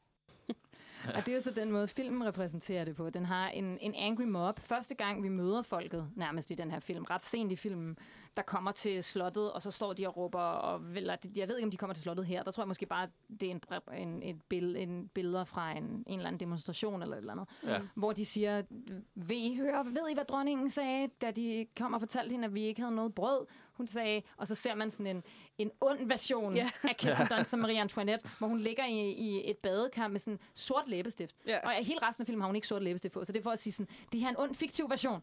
Lad dem spise kage, ikke? Og så siger, øh, siger den rigtige Marie Antoinette, I would never say something like that. Ja. Med sådan den mest Valley Girl amerikanske accent nogensinde. Ja, det er så også, at det er Kirsten Dunst, der spiller ret godt i den her. Altså, hun, er, Ja, hun gør det for godt. Det er også det, det, det, hun er jo sådan en stable af Sofia Coppola, kan man mærke. De er godt, de arbejder sammen. Ja. Mm. Ja. Øh, og har gjort det flere gange siden år før. Og det er sådan, altså det, det er også, hun passer rigtig godt ind i den her film, føler jeg. Hun gør det så godt. Og, og jeg, synes, det er rigtig sjovt, at hun er så amerikansk. Altså sådan, Og det er jo også det, altså den der, det der med, at der er nogle øh, Converse-sko, der kommer til syne på et tidspunkt, og det med, at de bare lader hende tale så sådan California American, det er jo også en måde at trække tråde og sige sådan, det her er ikke bare et statement om den dumme, overfladiske blondine, historisk set. Det er også et statement om den dumme, overfladiske blondine, jeg har gåseøjne her, ikke? ja, ja. Øh, det er et lydmedie, der er ikke nogen, der kan se dine gåseøjne, Sofie.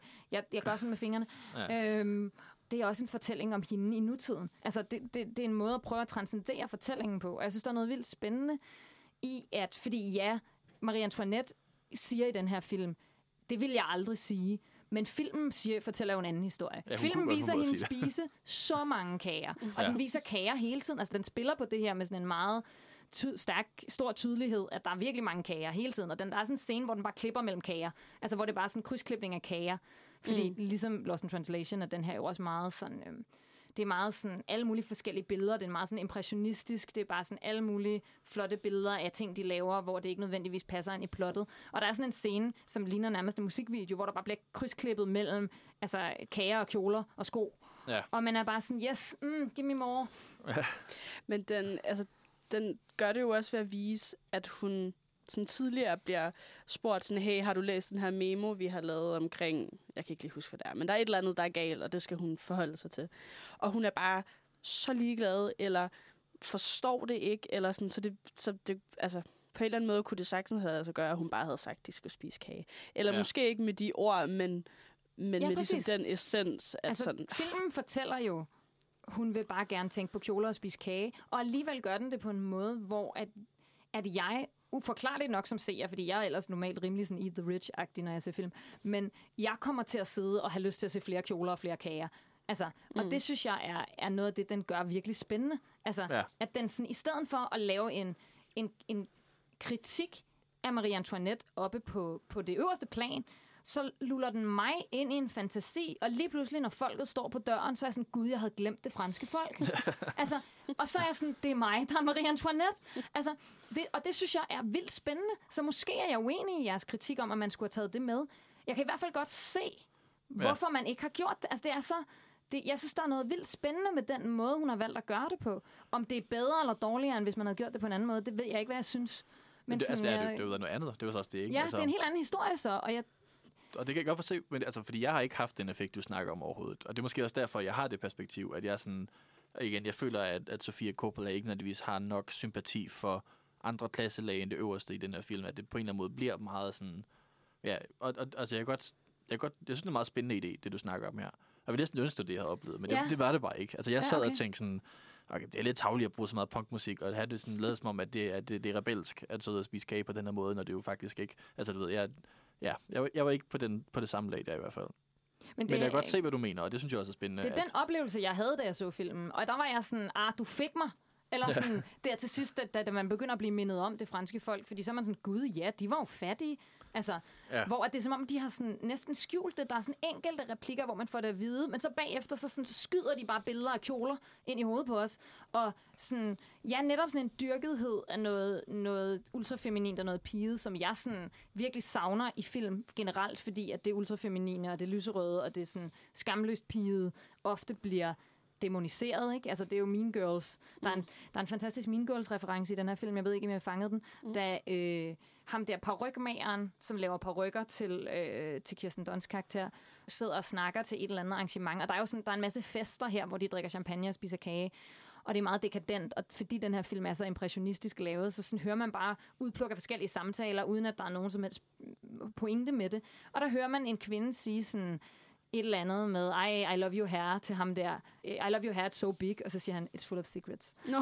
og så var jeg sådan, oh my god, the mean girls. Altså, der er sådan, altså, jeg har lyst til at dyrke den her film som sådan et, et, et, et girlhood statement. Samtidig med, at jeg også ser, at den ligesom også arbejder med sådan, øh, at prøve at snyde mig til at få det sådan. Og så være sådan, haha, eller det er i hvert fald sådan, jeg oplever den. Det, altså det, det synes jeg er interessant. Om, det, er jo, det er ikke sikkert, at alle har det på den måde. Men sådan, jeg bliver sådan helt sådan suget ind og får bare sådan, jeg bliver grådig. Den Ja. spiller på min grådighed. Jeg bliver sådan, mm, mere kage.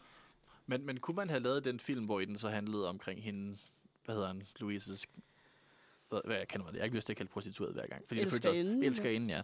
Altså, hvor, hvor man netop, fordi hun jo netop også kom ind i det dekadente, og hun også kendte til det andet. Altså, sådan, så det, at, fordi hvis hun som karakter netop havde den samme fejring, altså sådan det der med sådan, okay, men nu er jeg her og har det godt, jeg har ledet lort før, men nu kan jeg have, spise så meget kage, jeg har lyst til, og lyserød, det er godt, og andet måde. Altså sådan, og den også magtdynamikken mellem hende og kongen og sådan noget. Det, var, fordi det, var, også- det synes jeg var mere spændende, at have undersøgt det, end, end uh, Marie Antoinette. Og så kunne man netop godt stadig have den her sådan, lyserøde fejring, fordi det er ikke så meget det her problemet med. Altså jeg synes også, det med, altså jeg, jeg går ikke så meget op i kjoler, men jeg synes, de der kager, der er så rigtig gode. ud. Altså sådan, så du det, der, der er helt klart også, altså den, ja, det er fedt at fejre den æstetik, og virkelig dykke ned i det også, altså lokationerne også, altså det, jeg synes, det er en virkelig, virkelig utrolig flot filmet film, altså mm. sådan, øh, den har sådan lige på en eller anden måde sådan snærten af Kubricks Barry Lyndon, det der med, det er meget naturalistisk, mm. samtidig med, at det også bare er så farverigt og så stort, mm. og så også de der sådan, ja, montager og sådan, Ja, hun er virkelig dygtig til montage generelt. Altså sådan bare. Ja. stemning. Altså der, hvor hun leger med øh, sin datter ude i sådan, det er nok ikke en mark, men Men det er nemlig der, hvor hun er ude og lege, lege fattig. Det som uh, Niels Otto talte Ja. om før, hvor at, at, at hun ligesom laver sit eget, sådan, det er sådan cottagecore. ja, Altså, præcis. Det er så cottagecore. Det er Og så så kjolen og det Instagram. hele Altså, er bare... Ja. Ja. ja. Ja, sådan nogle hvide, øh, og så leger hun med børn med, med datteren ude i, i græsset, og den her datter er det nuttedste barn nogensinde. Ja. Ja, Og- og jeg det er elsker, hun er meget- den eneste, ja. der taler fransk. Altså barnet. Nå, ja. Ja. Ingen andre taler fransk, men de har bare lige hyret et lille fransk barn. Ja. Og det, det føler også bare så meget klassisk overklasse, det der med at, at netop at bygge den landsby, eller sådan, du ved, det der med at have en eller anden måde, man kan simulere at være fattig, eller sådan værdsætte æstetikken. Ja, Og det er måske også, altså i virkeligheden, så er det det, altså den, den kritik, som den ikke har af Marie Antoinette med, at hun værdsætter æstetikken af at være fattig, er den kritik, jeg har af, at de bruger punkmusik. Så måske også derfor, jeg sætter mig lidt fast på det, fordi det er sådan det der med ikke, at, altså at, at man kommer fra øh, Coppola-familien og det ene og det andet, og man er sat de æstetikker, og man så ikke rigtig, altså man, man stadig tager de her ting, som der kommer fra noget rebelskhed, som man jo, som kommer fra en lavere, en lavere klasse af du ved, økonomisk stand og sådan noget. Altså det, ja, det er i hvert fald ikke det, jeg synes, der var spændende i den men det film. synes jeg også er en, jeg synes, det er en mega valid pointe, eller mega vigtig pointe, at det her med at være opmærksom, altså det er historieløs anvending af punkmusik måske i virkeligheden Ja. i den her film, ikke? Øhm, og- Eller postpunk, men ja. Ja, altså Det- sådan, at det, at det ligesom er er en, er en, er en manglende anerkendelse af, at ja, vi kan godt lave en film, hvor vi... Fordi jeg synes jo, at, at der er noget... Hvad kan man kalde det? Noget oprør i den her film. I det faktum, at den siger, jeg vil ikke... Øh, jeg vil gerne fortælle den her, en af de mest forhatte kvinder i historiens historie, og jeg vil gerne have fuld sympati med hende. Altså, der var jo folk, der buede den her film, film i Cannes. Ja. Fordi i Frankrig, der er Marie Antoinette ikke en, man har lyst til at fejre. Mm. Og det er ikke en, man har lyst til at have sympati med. Så, så på en eller anden måde, selvom hun var mega, mega magtfuld skikkelse dengang, så i dag i, sådan, i historien er hun virkelig en, der er blevet set ned på, på en måde, som er blevet sammenkoblet med noget misogyni. Der er Ja. meget, mange ting, man kan kritisere de, altså sådan, de kongelige på det tidspunkt for. Det er fuldstændig absurd, at de levede så lavishly, når folk ikke havde nogen penge. Det er der jo ikke Mm. nogen, der er i tvivl om.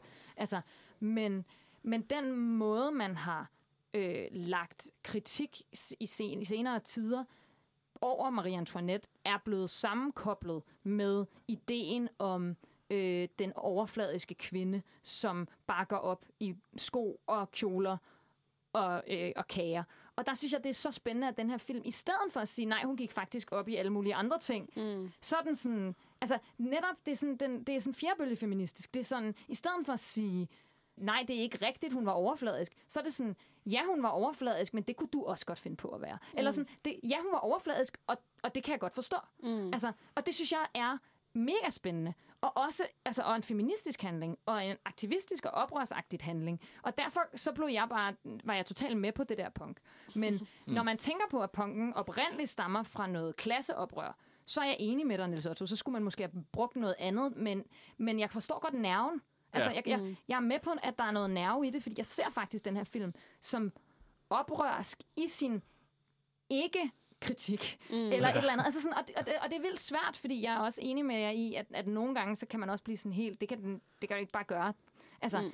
men, Ja. ja. men jeg er, meget, jeg er meget fascineret af den. Og det, og det er også, altså det er, jo, det er jo spændende i sig selv, at den netop er meget sådan undskyldende over for noget, en problematisk kvinde, fordi det, altså, der er rigtig, rigtig mange film om problematiske mænd, som er, hvor de er meget undskyldende. Altså, Ja. det, er jo, det er jo mere traditionelt at gøre Ja. det.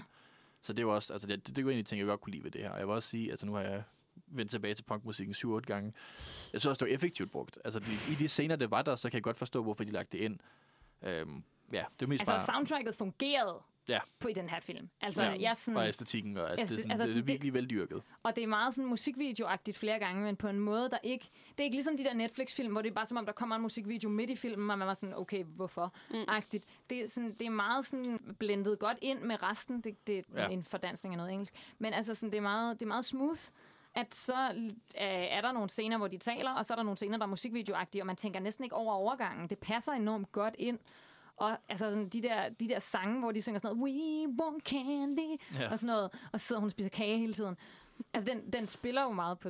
Altså, Ja. den siger jo, let the meat cake. jeg, jeg tror måske også, at min kritik i en eller anden forstand også kommer fra at have set Lost in Translation lige bagefter, og det der med at sådan sidde og tænke over, hvem Sofia Coppola er. For nu har jeg jo ikke set filmen kun på sine egne præmisser, men jeg har set den i sådan prøve at forstå hende.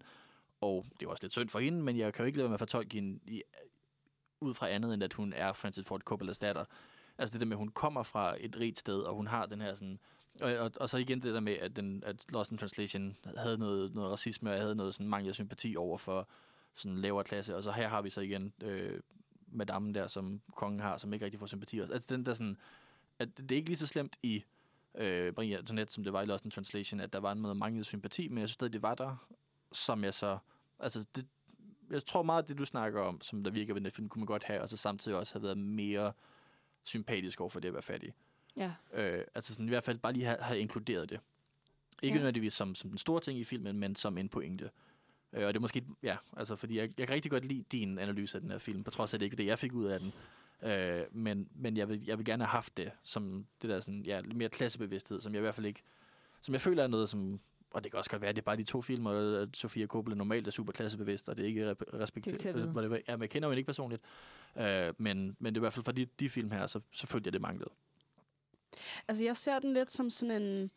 Øhm, lidt ligesom et modsvar til, hvis nogen skulle kalde dig en nepo baby. Fordi der er jo nogle nepo babyer, der jo bare har været sådan, at du ved ikke, hvad du snakker om, og sådan, "Nå, mam, mam", og sådan virkelig blevet sure. Og det, det er sådan lidt den afspejling, jeg føler, Marie Antoinette er, fordi den sådan lader den hvile i, hvor glamourøs det var. Og sådan, altså, jeg ved ikke, om det giver mening, men Jeg er ikke sikker på, at jeg forstår. Prøv lige at Nej, uddybe. men altså, i forhold til det her med, at Sofia Coppola er et eksempel på en Nebo baby. Ja. Øhm, og hun har så valgt at tage en kvinde, altså at portrættere hendes liv på den måde, hun har, fordi Marie Antoinette blev jo kritiseret sygt meget for hendes lavish livsstil, øhm, og for den, hun ligesom var som person. Øhm, og der tror jeg bare, jeg sammenligner lidt med den kritik, som Sofia Coppola er vokset op med i forhold til at være en Nepo baby, og at hun så fandt sådan en som Marie Antoinettes liv interessant. Fordi ikke, at hun kan relatere til at være prinsesse og leve sådan et, et vildt liv, men så alligevel lidt kan hun relatere til den kritik, hun fik, uden at det at være prinsesse og Nebo Baby. Altså, ja, jeg ved ikke, om det giver mening. Men, Men altså, tænker du, at det her er lidt ligesom at stille sig, i stedet for at være det, som du lige sagde, som der er nogen, der gør jo. Altså, når, mm. når de får kritik for at være Nebo Babies, så bliver de sådan, ej, det var faktisk vildt svært, og har du, er du klar over, hvor mange model-auditions jeg har Ja. været til? Og man er sådan, ja, men du fik jo de auditions igennem din mor, honey. Eller et eller andet, ikke? Ja. Altså, så i stedet for at stille sig der, så er det ligesom de der mennesker, som stiller sig sådan et sted, hvor de siger, øh, ja, jeg er en nepo baby, jeg fik en hel masse øhm, øh, heads up, øh, og nu har jeg gjort det her med det. Eller sådan, altså, ja, jeg tror bare, at ja, den der manglende øh, behov for at undskylde, eller sådan, ja, det er jo men, også... så, så, men, så, men synes du, den er så den irriterende måde at håndtere at være nepo baby på, eller den mere okay måde at håndtere at være nepo baby på? en god blanding i virkeligheden. Okay. Måske, ja. Ja, det var også lige meget. Det var bare noget, der Ja. gav mening op i mit hoved. Men, men det øh, kan også nogle gange være svært at få det ud med ord, og så kan det give vildt god mening, men være svært at formulere. Mm. Præcis. Altså, jeg, som, som I måske kan forstå, så kan jeg rigtig godt lide den her film. Mm. Jeg Ja. kan ikke lige så godt lide den, som jeg kan lide den næste. Den tror jeg er den, jeg bedst kan lide af de tre, vi har set til i dag. Men jeg kan godt lide den her film. Og Ja. jeg synes, øh, at den er vildt spændende at se på nu, hvor at, at vi lige nu er så meget i sådan med Barbie. Altså i, i, øh, i slipstrømmen af Barbie er vi jo sådan et sted, hvor vi taler meget om sådan noget øh, pigeæstetik, ikke? girlhood. Ja. Øhm, den her sådan næsten barnligt pigede, eller teenage pige sted. Og der synes jeg, øh, den her film er vildt spændende. Og jeg synes, det er vildt spændende, at det er instruktøren af den her film, der skal instruere Priscilla. Fordi Priscilla jo også er en film, der handler om en teenage pige.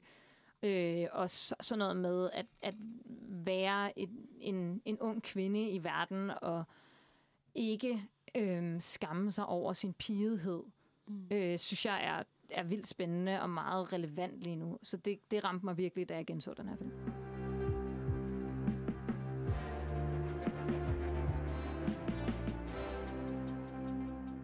Vi skal snakke om den sidste film, vi skal tale om i dag. Uh, The Virgin Suicides fra 99. Yes. Debutfilmen. Sof- ja, Sofie Coppolas debutfilm. Meget spændende. Som instruktør i hvert fald. Ja, som instruktør. Nå ja, det er rigtigt. Og øhm, den har hun vist også skrevet også, ikke? Altså, Jo, det har hun. Baseret på en bog, ja. Ja, det er en, det er en, det er en øh, filmatisering af en roman. Men det er hende, der har skrevet øh, manuskriptet Yes. Ja. igen. Øh, ligesom Jeg tror, hun de gør hver gang, ja. Ja, det er, det er meget cool. Den her film er, som sagt, som du lige sagde i navnet, det, baseret på en roman af en mand, der hedder Jeffrey Eugenides. Eugenides. Jeg, jeg ved ikke, hvordan man siger det på engelsk. Og øh, er en ret syret film. Jeg, jeg sagde lige før, at jeg mente, at det måske var min yndlings af de tre, vi skal tale om i dag, og det ved jeg ikke engang, om jeg, om jeg mener. Jeg synes, den, jeg er enormt fascineret af den, men jeg er også lidt i tvivl, om jeg kan lide den. Nu starter jeg lige med et resume. Det kommer jeg til at begynde at snakke om, hvad jeg synes om den. Øhm, men det er også bare fordi, at den er svær at, at tale om. Altså, den, den, den har måske mere plot end de to andre. Den foregår i en by i Michigan, hvor at, altså, man følger ligesom øh, et upper, et upper middle class, øh, øvre middelklasse øh, kvarter i Detroit, som ellers har en hel masse ikke, ikke øvre middelklasse dele, men øh, det her er den, den, den pæneste del af Detroit, hvor man følger en drengegruppe, som har sådan en øh, voiceover også, som er vildt fascineret af øh, de her døtre af en anden familie. Altså sådan, de, det er the, the Lisbon Sisters. De er, hvad er, ja, nu har jeg ikke engang styr på, hvor mange søstre de er, fordi Fem. der er jo en, der dør i starten, Ja, der er fem i starten. og så bliver de fire. Det er jeg også sikker på, ja. Det, det er pinligt, at jeg ikke har, øh, har styr på det, men... Øh, Men, men det, er, det er jo det er også lidt en pointe, at de blinder sammen. Ja, Altså, præcis. Det, De smelter totalt sammen. Øhm, men den, allerede fra starten af, for den film hedder The Virgin Suicides, og allerede fra starten af afslører de her øh, drenge, der har voiceoveren, at de her piger kommer til at begå selvmord.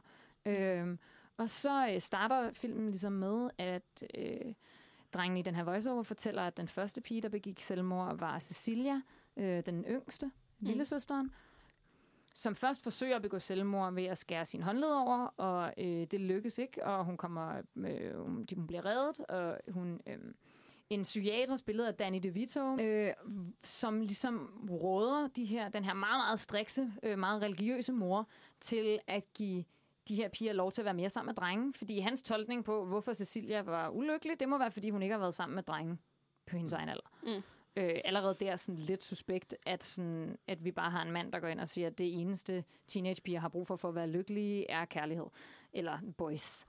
Øhm, og så prøver de at invitere nogle drenge hjem i deres hjem, og så begår hun selvmord i, igen dengang, øhm, dør hun.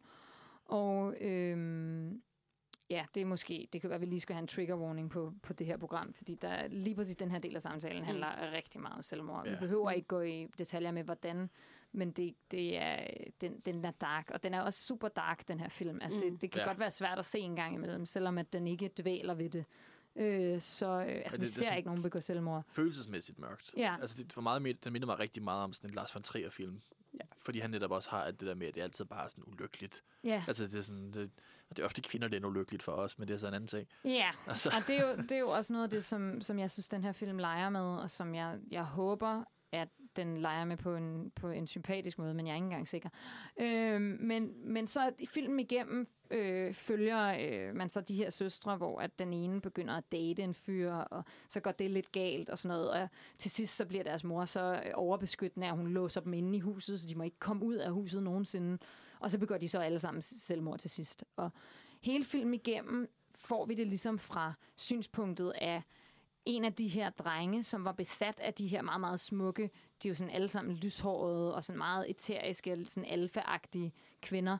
Øhm, og han er ligesom, han tænker ligesom tilbage på det her, efter han er blevet voksen. Øhm, så filmen har sådan en, en fortæller, der er øh, meget sådan langt væk i tid fra det, han fortæller om. Han fortæller om, vi ville altid huske vores barndom ud fra den her, det, de her suicides. Og de er også ude at tale med den her øh, unge fyr, som er den ene af søstrene, den Lux, den af søstrene, vi fokuserer mest primært på. Øh, af Kirsten Dunst, ja. ja. I nok det samarbejde, der øh, gjorde hende og Sofia Coppola til, øh, til Mates. Øhm, hun er meget ung på det her tidspunkt, Kirsten Dunst. Karakteren Lux er kun 14, tror jeg. Ja, og Kirsten Dunst var cirka den alder også. Ja. ja. Og øh, der er de der drenge ude og snakke med ham der, som datede hende på et tidspunkt, ef- efter han er blevet voksen, og sådan, de snakker med ham om den her oplevelse, og så da den her scene er slut, så viser det sig, at han er på sådan et rehab-sted. altså sådan, så kommer der sådan en dame og sådan, du skal til dit 5 o'clock group session nu, agtig, øhm, hvilket jeg synes var øhm, grineren. Generelt, Ja, sådan mørk komisk i hvert fald. den her lidt. film er meget tragikomisk. Altså, ja. den, er, den er virkelig dark, og så, så er den også nogle gange sjov. Og det er sådan lige på kanten til at være sådan, er det okay at gøre grin med det her? Altså, jeg synes ikke, den gør grin med, med selvmordene, Nej. men sådan, den gør nogle gange grin med, med sådan, ja, det at have en meget, meget overprotective religiøs mor, for eksempel. Ja. Og sådan noget, ikke? Mm. Det bliver lidt fjollet. Ja, den bliver Men- fjollet en gang imellem. Men det er måske også, altså det er jo sådan en af de her ting, hvor at, altså i, i virkeligheden er det jo en, en dyb, dyb sø, seriøs situation. Men på en eller anden måde, så er det også fjollet at have det sådan med sine børn. Altså det, der er sådan Ja. en mangel logiskhed, som på en eller anden måde også, altså det er det der med, at der er meget af det, det tragiske og det, og det skræmmende, og, og så det komiske, det er på en eller anden måde sådan en vending af den samme ting. Altså det er sådan, Ja. når noget ikke giver mening, så er det enten skræmmende eller sjovt. Altså, Ja. Mm. Og det er sådan lidt der, hvor det er her, sådan, at det der mor, som også er sådan virkelig, altså, og det, det var en af de ting, jeg synes, der var virkelig sjovt ved den her film, ikke sjovt, men sådan mærkeligt var, at, at den ikke rigtig var sådan usympatisk for moren. Ja. Altså sådan, Mm. på Den trods af, at demoniserer den, hende ikke. det demoniserer hende ikke, på trods af, at hun er skurken. Altså, i, Ja. i konteksten af, hvad der sker, så er hun skurken, men man føler i hvert fald, at hun er et menneske. Altså, hun er sådan, giver mening, på trods af, at hun tager fejl. Ja, fordi hun er jo ikke, altså når man ser hende sådan interagere med pigerne, oftest er hun jo en sympatisk mor. Altså så viser det sig jo så, at hun holder dem er basically indespærret og sådan noget, men, men i sådan de scener, man ser dem interagere, virker det jo som en relativt almindelig mor, der, der snakker med hendes døtre, så derfor så, jeg, jeg ved ikke, jeg tror bare, jeg så det lidt som en meget drastisk drejning, at, øhm, at det gik fra at hun ja, var sådan lidt religiøs og så lidt ned på nogle ting, til de vidderligt blev låst inde i deres hus. Altså sådan, Ja, Jamen, Ja. det var jo også, altså i starten, så var det jo det der med, at de ikke rigtig måtte noget. Altså de Ja. måtte ikke, altså du ved, man ser sådan, de får, de får lov til at holde en enkelt fødselsdagsfest på et tidspunkt, efter de har snakket med den video der, som siger, Ja. at de skal snakke med nogle drenge, drenge inviteret til en fødselsdagsfest. Og du Ej. ved, forældrene er der bare, og sådan står og holder øje Ja. med alt, hvad der sker, og sådan, drengene står bare og snakker med faren, som forklarer, hvordan fly fungerer, og sådan, altså du ved, det, det er Ja. bare virkelig akavet, og sådan, det er ikke sådan, virkelig. de får ikke lov til at mingle, altså de får ikke, altså, Nej. du har ret i, at det, det, det er meget åndssvagt, det der med, at de skal bare ud og snakke med mænd. Men det er jo rigtigt, de skal ud og snakke med nogen i hvert fald. Altså, de, De har skal brug ud for at komme ud af det hjem Ja, der. de altså, for at snakke med Danny andre Vito havde ret i, at der er noget overprotectiveness, som har Ja. slået fejl her, ikke? Mm. Ja. Og, og jeg synes, øh, jeg, synes, jeg er helt enig i, at jeg synes, det er vildt spændende, at den ikke demoniserer nogen. Mm. Altså, den gør ikke nogen til skurke, fordi ja, altså, jeg synes jo, det er det, der gør den til en effektiv tragedie, fordi der er ikke nogen, der er onde i den virkelige verden. Eller sådan, ikke? Mm. Så derfor er det også bare en fortælling om, jamen nogle gange så er verden, bliver, altså, bl- bliver ting bare sådan øh, kompliceret. Og altså det samme med Josh Hartnets karakter, ham der Trip, som dater Lux, øh, Kirsten Dunst karakter, de er jo forelskede i hinanden. Gud, det var Josh Hartnett. Ja, Jeg kunne ikke i en meget, meget Ja. ung version. øhm, og, og han efterlader hende bare, efter de har haft sex på en fodboldbane. Så går han bare fra hende. Altså, Ja. det er så tragisk. Jeg kan huske, jeg så den her som teenager, og jeg kunne sådan slet ikke have det. Jeg kunne mm. ikke have inde i mig. Også fordi Nej. jeg vidste, at de ville dø lige om lidt. Altså, sådan, Mm. jeg synes, det var så ubehageligt, den her film. Og så også, altså, fordi det var lige der, hvor at de er sådan, han har lige fået overtalt faren til at overtale moren til, at den kom med til homecoming. Ja, Altså han er virkelig sådan presset for, at nu, nu, nu skal de få lov til at komme ud og danse og sådan Ja. whatever. og de far- havde sådan en faren god ret- oplevelse. Ja, de havde rigtig god oplevelse. Og så er det også bare meget klart, sådan, der er en curfew. De skal være hjemme inden det her. På, siger den meget overbeskyttende mor. Ja. Og så ender hun jo med bare at ligge der og sove på en fodboldbane til morgenen ja. efter, og sådan komme helt beskidt hjem, og så er det sådan, det er der, hvor det går galt. Ja. Og det er jo igen, altså, han er jo også skurken, ham Ja. der, fordi han, han, han, det er ham, der sådan skaber den situation, at han ikke Ja. ja. sådan lige vækker hende og siger, hey, skal du ikke hjem? altså Ja. sådan, eller et eller andet. Det spiller jo meget ind i det der, som jo også bliver ret centralt for sådan en film, men også det, man hører i sådan, øh, for der er jo en, en øh, narration, en Ja, fortællerstemme, ja. ja, voice-over, igennem hele filmen. Og det er jo det der med, at de bliver så øh, idealiseret, eller sådan, de er den her sådan, øh, kvindelige entity, som de her unge drenge ser op til. Og når de så endelig ligesom opnår at være sammen med en af pigerne, nå, men så, hva- så er det jo ligesom gjort, og så er den overstået, den der boble er, er bristet på en eller anden måde. Ja. Og det er det, jeg synes er den her films projekt. Altså, det er jo en af Mm. grundene til, at jeg synes, at den her film er enormt spændende, og jeg er meget... Altså sådan, nu hvor jeg lige har set den og læst lidt op på den til det her program, der blev sådan suget helt ind i den. Og jeg kan huske, at jeg så den som barn, eller som teenager, da jeg gik på efterskole, og så det var meget ubehageligt. Altså, jeg kan huske, at jeg har set den som teenager, og været sådan, den her film skal jeg aldrig se igen, det var ikke ret. Ja, ja. Og, og, og nu er jeg sådan helt vild med den nærmest. Eller jeg er i tvivl om, jeg er vild med den, eller om jeg ikke kan lide den, men jeg er i hvert fald meget optaget af den. Den, sådan- den påvirker mig stærkt. Det er sådan, jeg har det hver eneste gang, jeg ser en Lars von Trier-film. Det er sådan, jeg havde det, men jeg er også fanget af det. Ja, altså jeg hader ikke den her oplevelse mere. Og der, jeg synes, det du siger der, Nan, det er helt essentielt for den her film. Det Mm. er, de her unge mænd og drenge, de øhm, er besat af ideen om de her smukke unge kvinder. Mm. Og ideen gør, at de ikke kan yde omsorg for det ægte menneske. Ja. Altså, og det, altså, de siger på et tidspunkt i den der voiceover til allersidst, det er sådan ret spændende, making us happier with dreams and wives. Der, da, da, hvad hedder det, da de bliver lukket inde, de her piger, der, øh, der bliver, altså de der drenge, som fortæller historien, og som hele tiden har synes, det var vildt spændende med de, alle de her meget, meget smukke, lyshårede piger, der bor under one roof, ikke? og som Ja. er ultrafeminine også. Igen ser jeg den her film som en, som en undersøgelse af det pigede og sådan en ultrafemininitet. De, øh, de bliver jo kun mere besat af tanken om de her piger, jo dårligere de har det. Mm. Altså, de bliver mere forelskede i dem, de bliver mere interesseret i dem. Altså, den her sådan øhm, fascination af kvindelig lidelse, som den her film udtrykker, synes jeg er, er meget fascinerende og uhyggelig. Fordi de her drenge kan jo bedre lide dem, nærmest. Ikke? Eller sådan, og, og, og, og, og de bliver sådan helt besat af tanken om dem, efter de er blevet spærret inde. Ja. Ja.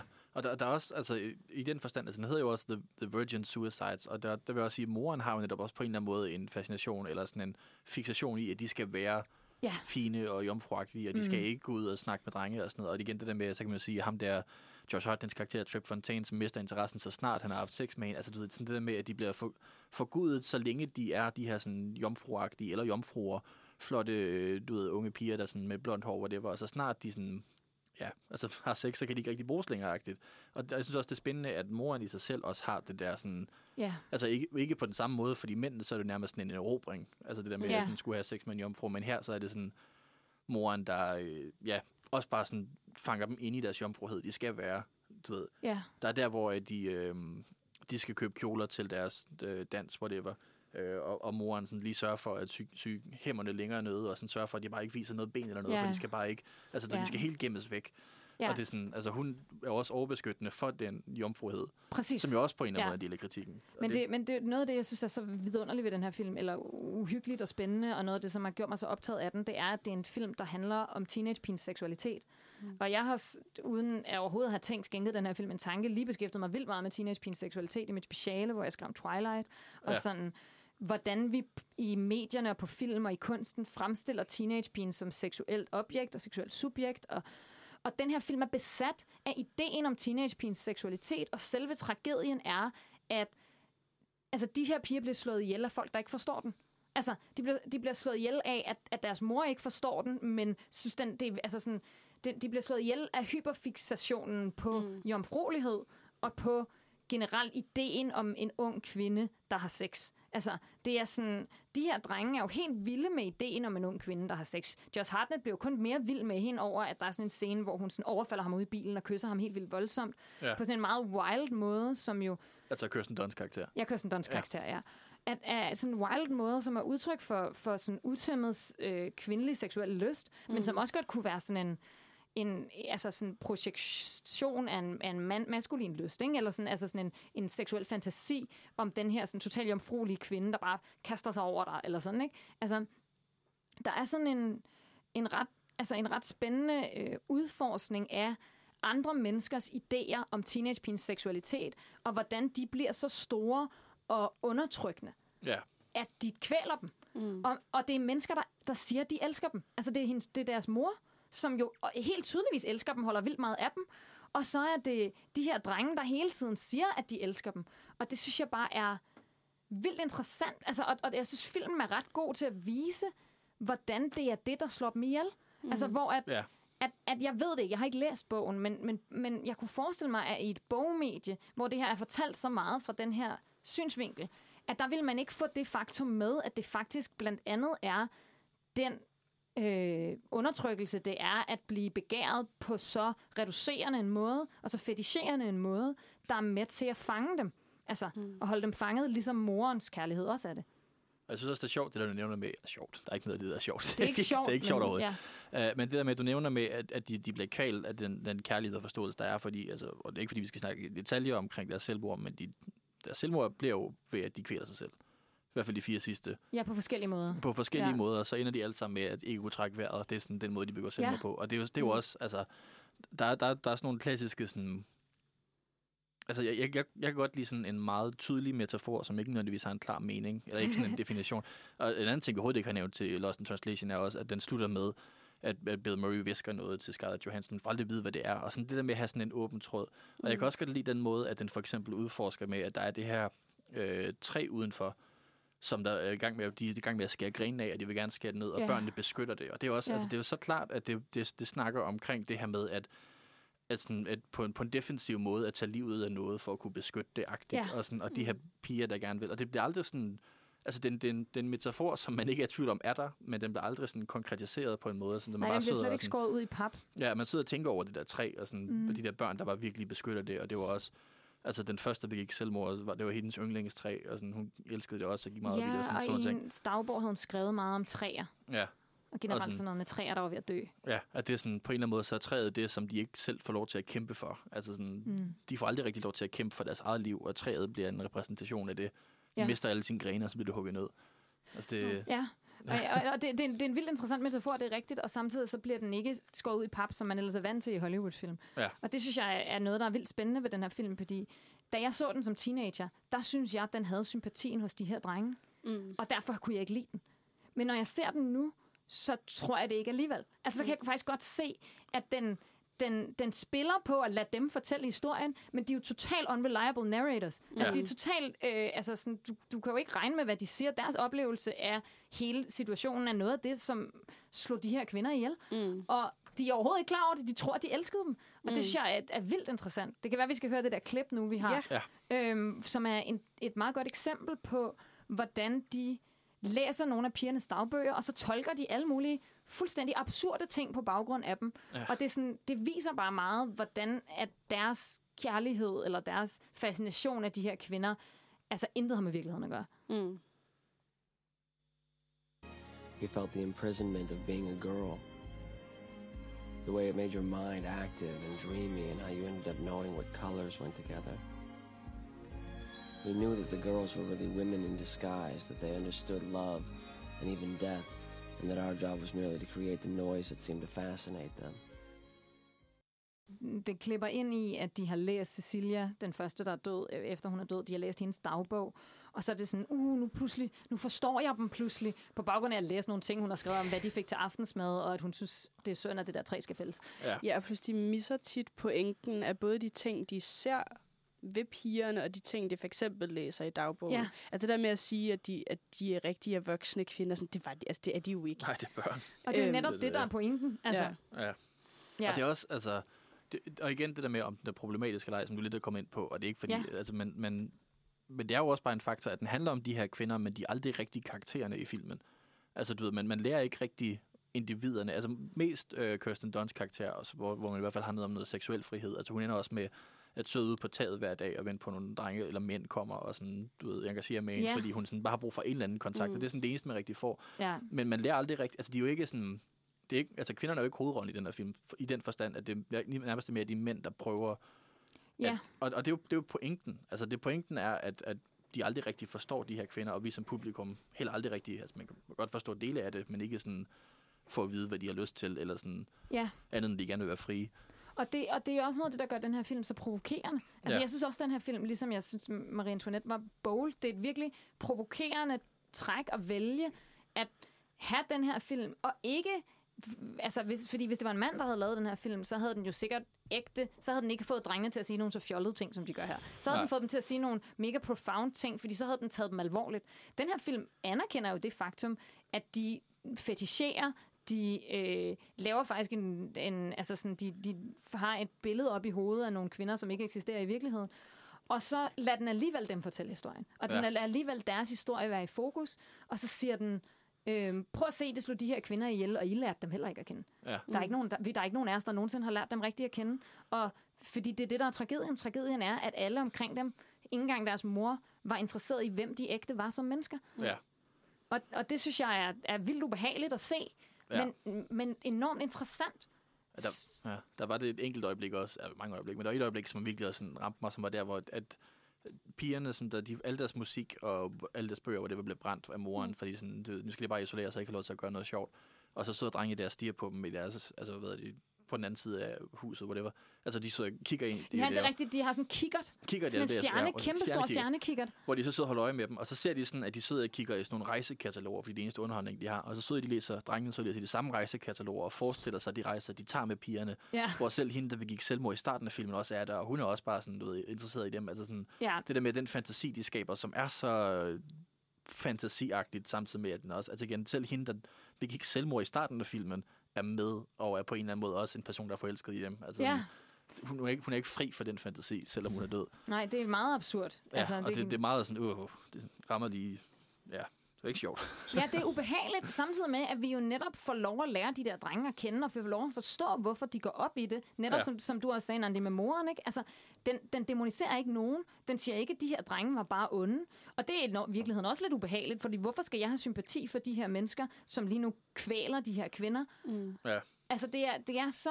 Det er så det, jeg synes, det er virkelig modigt, især at for en debutfilm. Mm. Altså, det, og, det, og det er meget kontroversielt på en eller anden måde, og den, sådan, den insisterer på at fortælle de her drenges historie, selvom det var dem, der slog de her kvinder ihjel.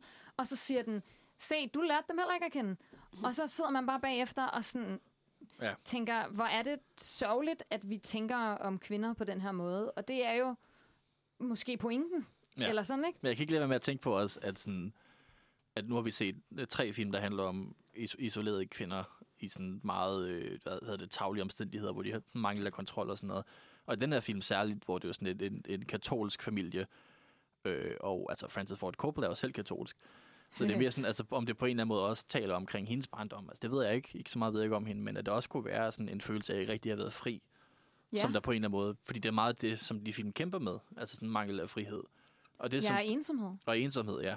Øh, og det er det, som jeg synes, at altså, i de her tre film, at, at det, er, det, det er knivskarpt i dem alle sammen. Ja. Altså den følelse af sådan, at være isoleret og alene, og ikke rigtig blive lyttet til, og ikke rigtig have sådan, ja, få lov til selv at tage sin valg. Altså sådan, Mm. Ja. øh, Og at opleve andre folks, altså i virkeligheden kærlighed. Ja. er undertrykkende, Og er det er jo sådan- fangende. Ja, og at lave den film en gang, det, det, det, det er en følelse, som alle kender til en eller anden grad, føler Ja. jeg. Det er jo sådan en klassisk følelse, men når man laver den film minimum tre gange, måske flere, jeg har ikke set resten, ikke? Så er der i hvert fald et eller andet, man har lyst til at snakke om. Altså det godt være, man også lige skal snakke med Danny DeVito der. Og sådan. Er der noget, du har brug for at tale om, Sofia? Ja. Oh, ja. Det ikke, jeg synes ikke, de skal snakke med Danny DeVito, fordi han Nej, har misset pointen. Han har misset, altså, at det er tydeligvis det, der, i hvert fald en del af det, der skete inde i hende der Cecilia, var, at hun følte sig meget connected til naturen, ikke? At hendes, Ja. altså alle hendes dagbogsindslag handlede om træer og valer og sådan noget. At hun, og hun sådan talte de, de få gange, vi hører hende tale med hendes mor, der taler hun om, at sin mor, der taler hun om sådan øh, dyr, der er ved at uddø og sådan noget. Altså hun er Mm. vildt optaget af, at verden ligesom er ved at gå under, eller Mm. sådan. Og, Ja. og så er Danny DeVito bare sådan, hun skal snakke med nogle drenge på sin egen alder. altså, øh, igen, han har jo spottet, at moren er kontrollerende, og at de ikke kommer nok ud. Men det er stadigvæk lidt som om, at at Ja. der også er en undertrykkelse i, at alle omkring dem ser dem i forhold til mænd. Ja. Altså ser dem i forhold til drenge hele tiden. Også, altså også moren jo, der ikke vil lade dem tage med til det her bal, udelukkende, fordi hun er bange for, at de har sex jo. Altså, Mm. det er jo ikke fordi, at hun ikke vil... Altså, fordi hun ser ikke ballet som en mulighed for, at de kan have det sjovt med hinanden, eller at de kan møde nogle af deres venner. Altså, det, de eneste relationer, man kan forestille sig, at de har med nogen, der ikke er hinanden, eller med nogen som helst i verden, er i en eller anden form for romantisk eller seksuel kontekst. Og den der ultraseksualisering eller ultrabesættelse af ideen om den unge kvinde, som enten har sex eller ikke har sex, og om hun har sex eller ej, synes jeg er øh, altså hele den her films pointe, og jeg synes, den er vildt interessant og meget relevant også i dag. Mm. Ja. Og øh, det er også noget af det, som jeg tænker, vi skal snakke om i forbindelse med Priscilla, som, mm-hmm. som Mhm. gør det som en oplagt film at tale om i forbindelse med Priscilla. At, at det er jo en film, der handler om en meget, meget ung pige, der blev sat i en meget seksuel, romantisk situation. Det er bare en, en, en situation, der minder om, og som jeg synes, det er vildt interessant, at det er den samme instruktør, der skal lave de her film. Mm. Øhm, inden vi snakker for meget om Priscilla, kunne jeg også godt tænke mig at nævne den sidste replik i den her film, hvor han siger, ham, øh, den ene, ham dreng voiceoveren, han siger, It didn't matter how old they were or that they were girls. All that mattered were that we had loved them and that they didn't, and then they hadn't heard us calling. Ja, det er Mm. bare... Og det er så fucking fedt, fordi alt i den replik er jo løgn. Ja, det er fuldkommen Der er bullshit. intet af det, der ikke pas, der, der passer. Mm. Mm. Altså, når man har set filmen, så er det sådan, det, det matter da totalt, hvor gamle de var, og at de var piger. Den Ja. handler jo totalt meget om deres pigelighed. Og han har jo også hele filmen igennem snakket om, altså for eksempel i det klip, vi lige hørte, med sådan, hvordan det må, må være at være en pige, sådan, uh, sådan magisk fantasiverden-agtig. Mm.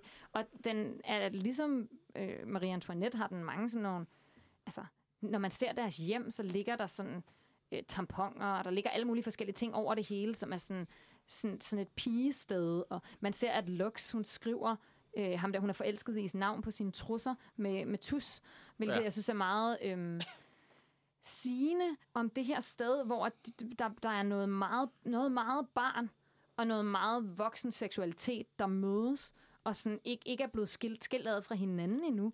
Så filmen er jo vildt optaget af, at de er piger, og de her drenge er også vildt optaget af, at de er piger. Ja. Og også vildt optaget af, hvor gamle de er. Og deres kærlighed betyder faktisk ikke særlig meget. Og de, og øh, All That Matter Were That We Loved Them, men det gør jo ikke rigtigt, eller de, Nej. I, I elsker dem i hvert fald ligesom deres mor på en undertrykkende måde. I elsker dem på en måde, der øh, holder dem fanget. Altså, og, og nu vil jeg gerne øh, citere en af de andre fra Nosferatu, Benjamin, som i en podcast, vi lige har lavet, øh, eller han lige har lavet, sagde, at lidenskab og kærlighed ikke er det samme. Og der er jeg sådan, godt set, Benjamin. Det er Ja. også på spil i den her film, ikke? De, de øh, fetisherer de her kvinder, men de kender dem jo overhovedet ikke. Og hele filmen igennem ser man jo igen og igen, ligesom sim- eksemplet med Trip, der efter han har haft sex med Lux, ikke længere har lyst til at se hende, at, at så snart at kvinderne bliver rigtige mennesker for dem, der er også øh, øh, til den her, øh, det her skolebal, der er Therese, den ene af pigerne, den ældste, tror jeg, på, nej, den næstældste. Hun er på date med en fyr til skoleballet, som hun, hvor, det var virke, hvor det, hun havde en virkelig god oplevelse. Hun sagde, ej, det er den bedste aften nogensinde, og du lover at ringe til mig, ikke? Og han ringer aldrig til hende. Mm. Anakin, hvad er det, Ja, han hedder? Hayden Christensen. Christensen, ja. Øh, spiller ham her, drengen, som aldrig ringer til hende. Altså det der med, at hver gang de bliver mennesker, så er de jo ikke interesseret i dem. Så er det kærlighed. Altså, så det passer heller ikke. Og så at they hadn't heard us calling. De har netop hørt jer kalde hele tiden, og mm. det er det, der slår dem ihjel. Altså, og jeg synes bare, det er så fedt, at den har den her sådan meget sådan over sådan, øh, sådan ultrasentimentale slutnings, og filmen så bare lige har vist, at alt det bare er løgn. Ja. Altså, det, er, det, det er så flabet en måde at slutte en film på. Det er så altså, øh, voldsom en måde at slutte en film på. Jeg synes, det er Meget Ja. ja. interessant. Jamen, det føles virkelig for mig, som om hvis en Lars von Trier-film var instrueret af en kvinde. Ja. Altså, fordi igen, han er også flabet og sådan provokerende i, i hvor, hvor tragisk det kan være, og hvor dårlig karakter kan være, og hvor hårdt det kan gå ud over kvinder. Og sådan, det der med, at, at rent faktisk at have en kvindelig instruktør gør det frem for Lars von Trier, som jo lidt er... Jeg kan rigtig godt lide hans film. Han er lidt et forkode, mm. Mhm. må jeg dog indrømme. Ja, og, Øh. og, og Lars von Triers film, altså, det ved jeg ikke. Nu har, jeg har ikke set særlig mange Lars von Trier-film, fordi jeg er en svag pisser, jeg kan ikke holde til det. Det er, Nej. meget, det er en voldsom oplevelse.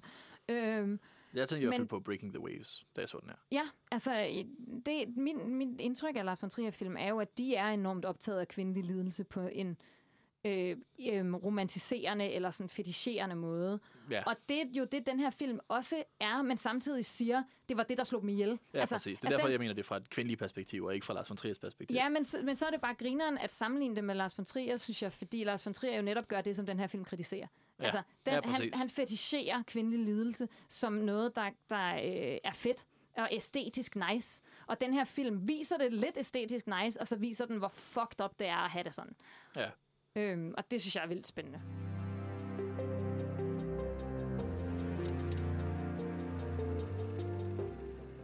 Alright, jamen hvad har I af forventninger til Priscilla?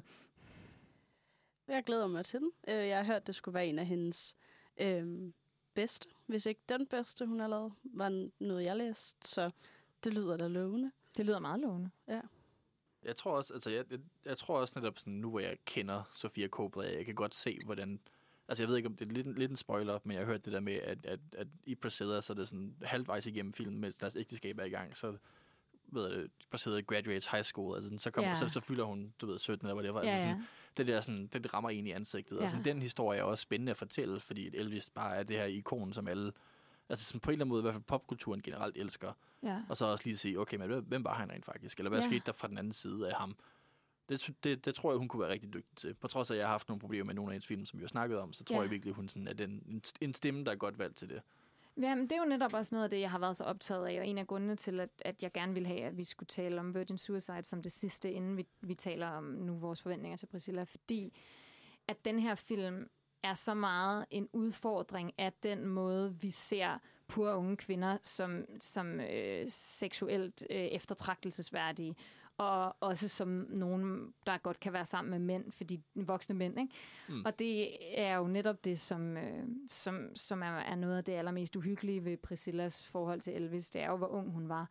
Og de her film, synes jeg, både den her film og Marie Antoinette er vildt dygtige til at, at arbejde med det pige, som jeg har talt om, og med sådan teenage-pigen som, som, som sted og som æstetik og som, som noget, som vi kan, vi kan fejre, og som vi kan undersøge, og som vi kan være nysgerrige på, og samtidig tale om, hvordan hun var et offer for patriarkatet, på en måde, der, der ikke stiller hende i en offerposition, eller sådan, ikke? Eller sådan, øh, ikke låser hende i en offerposition. Ikke? Ja. Altså, de her kvinder i The Virgin Suicides er jo super låst i en offerposition af de her drenge, og det er det, der er problemet, eller sådan, ikke? Mm. Og, og der synes jeg, det er, er mega spændende. Altså, og som, som øh, auteur, der arbejder med med teenagepiger øh, og teenagepigers seksualitet, er Priscilla jo en oplagt historie øh, at tage fat i. Og jeg kunne nærmest ikke forestille mig nogen, der ville være bedre til det.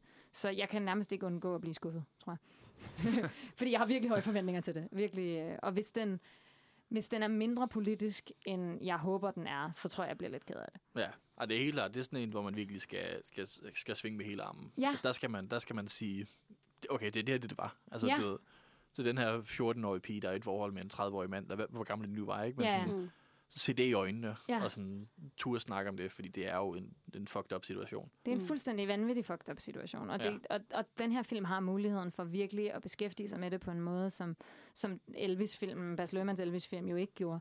Altså, og, og der vil jeg blive ked af det, hvis den, hvis den gør det mindre, end jeg, end jeg håber på. Ikke? Ja. Øhm, selvom at det selvfølgelig også kan blive kedeligt, hvis det bare er, hvis det bare er dark all the way through, eller sådan, ikke? At, at det kunne være spændende, hvis den, Ja, hvis den, hvis den, den leger lidt med, på nogle af, med nogle af de samme øh, virkemidler, som de her film har leget med, som den her film, øh, som ja. Vi lige har snakket om, har Mørk leget med. humor.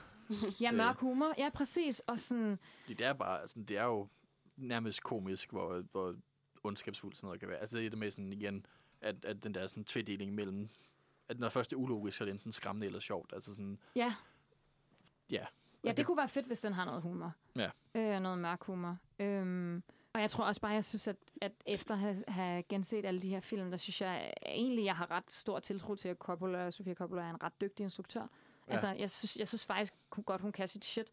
Altså, som du siger, Niels Otto, hun er virkelig dygtig til at skrive dialog. Ja. Øhm, og jeg synes også, at den her film ligesom viser, øh, eller hvad hedder det, Virgin Suicides virkelig vist, hvordan at hun er virkelig god til at anvende det, filmmediet kan.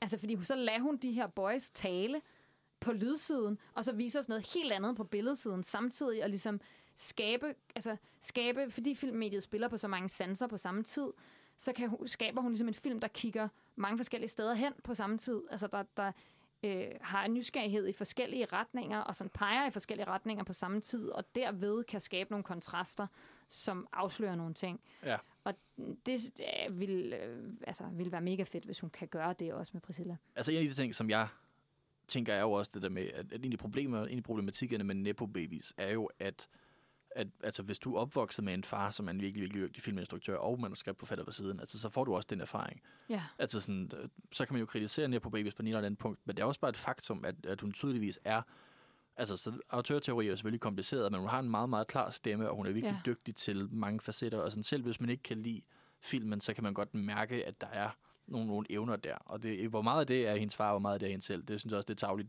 bare at sige, nej, hun har en dygtig far, så har hun bare det derfra. Men sådan, altså, i hvert fald, det er jo, det er jo en af de faktorer, der er med det på babies. Er, ofte er de bare gode skuespillere, eller forfattere, eller hvad end deres forældre var.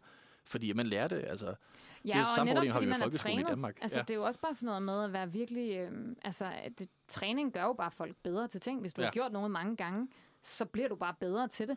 Og Ja. hvis du har en far, der er filminstruktør, og han giver dig lov til at prøve, prøve kræfter med noget meget, meget tidligt, så har du bare været i gang i længere tid. Ja. Så har du bare et forspring på den måde. Og det er ikke, fordi det er farens evner, du har arvet. Det er dine egne evner, men du har bare fået trænet dem Ja. hele tiden. Det er, Altså, sådan, det, det er en klassisk ting også i folkeskolen, det der med, at sådan, børn, der øh, har forældre, der er akademikere eller klogere, de klarer sig meget bedre i skolen, og der er bare ikke ja. noget, man kan gøre ved det. Altså sådan, hvis du har nogle forældre, du kan komme hjem og snakke med om, sådan, om kloge ting, så får du det nemmere i folkeskolen, end hvis du har nogle forældre, der ikke kan de ting. Og det er, Ja, jo ikke, ja. altså, det, Ja, det er ja. jo bare et faktum, som man ikke rigtig kan komme udenom, desværre. Um, Det er i hvert fald svært, ikke? Og det, ja. Ja. og det gør jo, at man får, hvis der er nogen, der er vildt interesseret i et eller andet, og sådan virkelig dyrker det sammen med dig, mens du er barn, jamen så får du bare en masse træning på et tidspunkt, hvor din hjerne er sådan blød og plastisk, og har nemt ved at lære ting. Altså, Ja. øhm, så jeg er ikke til kun i tvivl om, at Sofia Coppola er pisse dygtig, og det er hun blandt andet, fordi hun har øvet sig rigtig meget, og det har hun, fordi hun har Francis Ford Coppola til far. Ja. Hun har i hvert fald helt sin egen stemme over for, forhold til ham, vil jeg sige. Ja, man, helt sikkert. Man, man føler ikke, at det er en Coppola Junior film, man ser. Det er, sådan, det er en Sofia Coppola-film. Enormt meget. Ja. Og det bliver, altså, øh, bliver etableret så stærkt med, med Virgin Suicides. Altså at have så stærk en stemme i sin debutfilm er ret sejt. Ja. Og det, det synes jeg, jeg er enig med dig i, man sagtens kan mærke i de, i hvert fald de to andre film, vi har set til i dag. Ja, men tak fordi I lyttede med. Mm. Og man kan jo høre os live øh, hver torsdag kl.